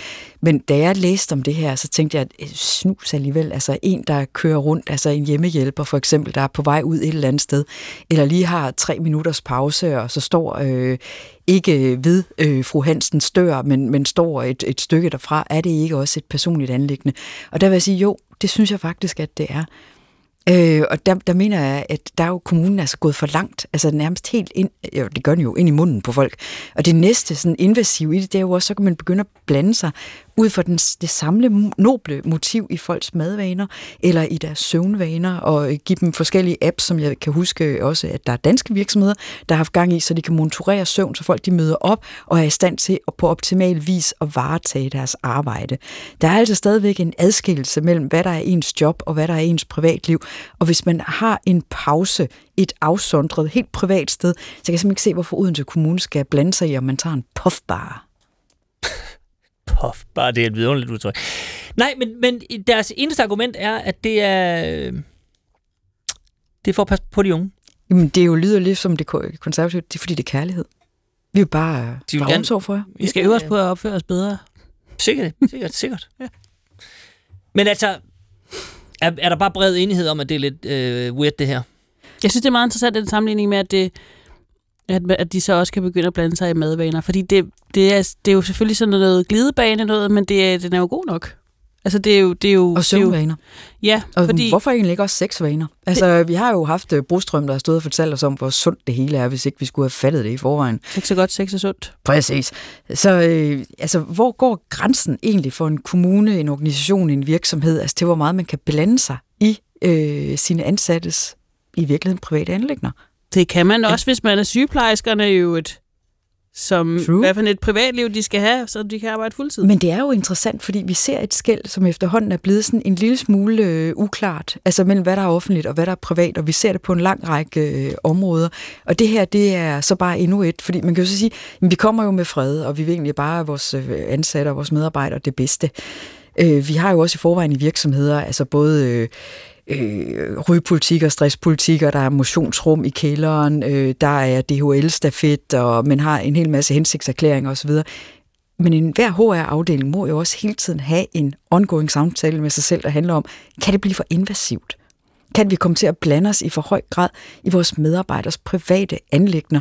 Fordi er det sådan, at vi også øh, vi stiller en arbejdsplads øh, til rådighed, og enhver skal gøre sin pligt og alle de her ting, men har de ikke også ret til i deres fritid sidde og drikke lige så vanvittigt, de nu engang har lyst til, eller ryge en masse smøger, eller gå meget sent i seng og få tre timer søvn. Hvis det er sådan, at de kan passe deres arbejde på relativt hederlig vis, er det så egentlig ikke også okay? I hvor høj grad skal man blande sig i, at man skal gøre sine ansatte til altså, øh, ressourcer også for en, som skal optimeres, mens de øh, i virkeligheden har fri, så de kan yde deres bedste, mens de så kommer på en arbejdsplads. Den tankegang er jeg meget skeptisk overfor. Faktisk synes jeg, at den er farlig. Men det er meget interessant, hvis der er noget... Altså, jeg synes godt, man kunne skelne mellem den lille pose, man har i munden, og så noget, der ryger. Fordi der er noget med nogle lugtgener. Og noget synlighed. Ja. Jeg kan godt se for mig en, en person, som skal have noget hjemmepleje, ikke nødvendigvis behøver at skulle oses i face. Men det er også rigtigt nok, men der, der er vel også noget sådan... Øh, så kan man jo... Det er, bare, det er bare et forslag, hvis det er. Det er bare en historie med Stig Rossen. Stig Rossen har jo en rygehandske. Det spiller jeg bare ind her. Ja. Han kan ikke lide, at, at hans hånd lugter af cigaretter. Det kan jeg da godt forstå. Så tager han en handske på, når han ryger. Det er bare et lille tip. Men det, jeg lige vil spørge om, det er, at der er vel også... Altså, nu taler vi også om, om, om rekruttering og så videre. Det, handler, der er jo, det kommer jo også til at gælde nogle, nogle socioassistenter og så videre i kommunen. Hvis man begynder på det her, der, der er også sådan en, en erklæring af manglende tillid til, at folk selv kan sige, men jeg, altså, det er også det her med, det de nævner også noget med børnehavepædagoger. Selvfølgelig skal man ikke ryge i børnehaven. Nej, nej. Men tror I, at børnehavepædagoger og børnehaveledere gør det? Altså det har man jo, det ved de jo godt. Der er jo ikke nogen, der siger, nå, jeg ryger jo, så nu, tager jeg, nu tænder jeg min smøg, og så går jeg ellers ind på girafstuen og leger med klodser. Altså det, det er jo... og tror vi jo også, at det, Det måske ikke. inspirerer treårige til at tænke, jeg vil også øh, ryge, når, når jeg får chancen Jo, men så langt for behøver det. det slet ikke at komme, fordi altså, børnehavepædagoger, de ved, hvad de laver. De, altså, Men der er lidt sådan et myndighedstab, altså, og det er også det, flere gange i de samtaler, vi har haft med de forskellige emner, jeg har sådan anholdt det her med, der er et personligt ansvar. Og det, det er altså måske øh, den race, som er mest i fare for at, at uddø. Det er, det er det her ansvar. Øh, og tit, når man bringer det på banen, så virker det også som om, jamen, det er øh, synd for en hel masse mennesker, og Øh, vi må hellere tage øh, et ansvar nærmest på vegne af dem, fordi de, de kan ikke øh, navigere i deres eget liv. Øh, og der, om det så er samråd eller et eller andet andet, der så skal, skal møde sig ind. Ha' lidt mere ansvar, lidt mere tiltro til, at folk de kan tænke selv, de kan bruge deres fornuft. Altså også når det kommer til folk i den offentlige sektor, altså i, i Odense Kommune. Jeg tror virkelig, det her det kommer til at backfire, altså lige i fjeset på dem. Jeg er heller ikke sikker på, at man kommer til at tiltrække flere socioassistenter, hvis man fortæller dem, at du skal bare vide, Jamen, det er det, det er et totalt fyringsgrund, Præcis. hvis du har en snuspose op under overlæben. Hvordan vil de i øvrigt eksekvere det her? Hvis det er sådan, Fordi de- det øger friheden. der er en socioassistent, som lige øh, bruger snus øh, i bilen fra den ene øh, til den anden, øh, som hun skal yde omsorg for. Hvad vil man så gøre? Altså vil man afskedige hende eller ham? Hvor- Hvordan vil man opdage det? Vil man tage tests? Eller hvad vil man egentlig gøre? Det kan godt være, det mest er en hensigtserklæring. Vi vil, vi Jamen, altså- vil gerne have, at de ansatte ikke... Jamen, det, det bliver jo indført som rygepolitik. Men måske, Men der, der er jo flertal for det. fyringsgrund. er der må, måske, måske griber vi Det, der forkert står an. ikke, at der er fyringsgrund, men, men altså, der må vel være en eller anden Måske, jeg, jeg tror, vi har lavet en forkert antagelse. Fordi det er ikke Umuligt. sikkert, det er ikke sikkert, at det er et hensyn til den ansattes øh, sundhed. Eller nødvendigvis deres, øh, kan man sige, arbejdsevne. Det kan lige så godt være en sådan relativt kommunistisk forståelse af, hvad den offentlige ansatte skal tjene af funktion. Altså om de i virkeligheden skal, skal pålægges at være en slags øh, rollemodeller, som vi alle sammen kan øh, aspirere til. Og Det er jo i Og- hvert fald for de unge menneskers skyld. Ja, Man det gør det, fordi, Præcis. at øh, bruget af e-cigaretter er steget blandt børn og unge. vi vil gerne have et samfund, hvor en, folk øh, ikke bruger det her. Gå med. Derfor så tager vi det fra dem, som vi kan bestemme over. Det kan vi med de offentlige ansatte, fordi dem betragter vi så som en eller anden forstand som statens ejendom. De må ikke ryge. De må ikke noget af det der, fordi sådan et samfund vil vi gerne have. Vi synes også, at man skal afholde sig fra at spise for fed mad. Ja. Vi mener også, at øh, rødvin øh, også er noget, som man ikke bør indtage. Vi mener, at man skal have 8 timer søvn osv. På en gang forestil jer, hvad det egentlig er for mennesker, der sidder og har sådan en idé om, at deres egne præferencer, det, det skal gælde for alle. For dermed vil de kunne udgøre det bedst mulige forbillede. Ergo gør man det så selv. Men det er jo derfor, man også, det er jo det, man prøvede dengang med en vegetardag i offentlige kantiner, som så ikke, fordi der var opstand. Det, jeg tror, vi kan læne os tilbage og håbe på, og i virkeligheden næsten altså bare vente på, det er, at når der dukker sådan noget her op, så, har det, så sker der ofte det, at øh, jævnfør hvad du sagde før med, med, med lønpolitikken, at øh, så er der en eller anden i det der byråd, der, der sidder og ryger op på sit kontor. Fordi det er jo meget, altså det bliver altid outsourcet, men, men det gælder jo ikke os her på. Så lad os se, hvad der sker. Det skal vedtages i slutningen af oktober, så, så vi kan se om ikke. Man kan jo, hvis man er almindelig borger i Odense, gå og, og, og kigge lidt ind ad vinduerne, og se om der er nogen, der sidder og ryger derinde, og så kan ja. man jo øh, så kan man tage den den vej. Jeg har skrevet en lille... foran, foran bygningen bare. Ja, man kan eller bare gå derind, men det må man jo faktisk gerne. Jeg har skrevet en lille, en ja. Lille overskrift. Kommunes snuspolitik kriminaliserer snusfornuft. Oh, ja. Første gang, du sagde snus, tænkte jeg, åh, oh, snus fornuft. Jamen, den er til højrebenet. Det vedstår jeg mig, men altså, ja. Jamen, jeg synes, den er jo ganske udmærket. det er godt. Jeg har ikke et bedre bud. Så lader vi den stå der. Anne-Sophia Hermansen, øh, kan du komme med nogen... Altså i næste uge, så åbner, øh, så åbner Folketinget. Tror du stadigvæk, for jeg er jo skeptisk i forhold til den der koranlov, tror du stadigvæk, at det bliver, den bliver blødgjort lidt? Ja, det tror jeg, den gør. Altså, øh, og jeg vil blive meget overrasket, altså hvis ikke det var sådan, at det første udkast, det havde fået en ordentlig gang bank. Det håber jeg da. Og så håber jeg så også i mellemtiden, at der er flere politikere, der måske er blevet en smule interesseret i at se, om det så er Mississippi Burning, eller om det er at lytte til Madonna, eller beskæftige sig med tidligere sager, apropos de der Jesus-sandaler, eller, Eller Jens Jørgen Thorsens undersøge, Jesus-film. hvem Jens Jørgen Thorsen var, eller Luna, eller Petersen. Der må man bare sige, at der har vi måske via debatten fået højnet lidt af interessen for det kulturelle. Okay. Jeg siger det, fordi at i næste uge får vi besøg af øh, dommer, Nina Palisa Bunde. Mm. Og der, der kommer, jeg ved godt, du sagde, du var lidt træt af det, Anne-Sophie Hermansen. Det kan være, du ikke skal høre med næste uge. Det, det er dårlig reklame, men det er bare fordi, der kommer vi altså til at tale om det. Men jeg synes også, at vi skal hun huske har været på, på barrikaderne for, det er, omkring vigtigt, det her. det er vigtigt, at vi ikke bliver trætte af det. Fordi Jo, det bliver præcis. en pointe i sig selv. Gode pointe. Vi det er kommer, vi kommer Det til bliver- at tale om Det bliver her. Og man nemmere, bør også være det bliver nemmere at fratage os frihedsrettigheder, hvis vi bliver trætte af at diskutere det. Ja, Vi det overgår er ikke andet end frihed. Hørt. Det er godt, at der er så mange, der så diskuterer. Så når nogen bliver trætte, så tager nogle andre over. Og det er derfor, at der er så mange af os, der skal leve af at mene noget, Hans Fie. Det, må Yes. du ikke, det må vi ikke lige... Lad os, lad os ikke tale det værv ned. Lad os ikke save den gren over, Præcis. for vi sidder på den. Godt. Og med de ord, så vil vi øh, runde af for denne gang. Det var en fornøjelse at have besøg af dig, Jamen tak for invitationen. Jeg kommer gerne en anden gang. Det skal Det du ikke sige to gange. Hils på weekendavisen. Det skal jeg gøre. Tak for i dag. Gå på opdagelse i alle DR's podcast og radioprogrammer. I appen DR Lyd.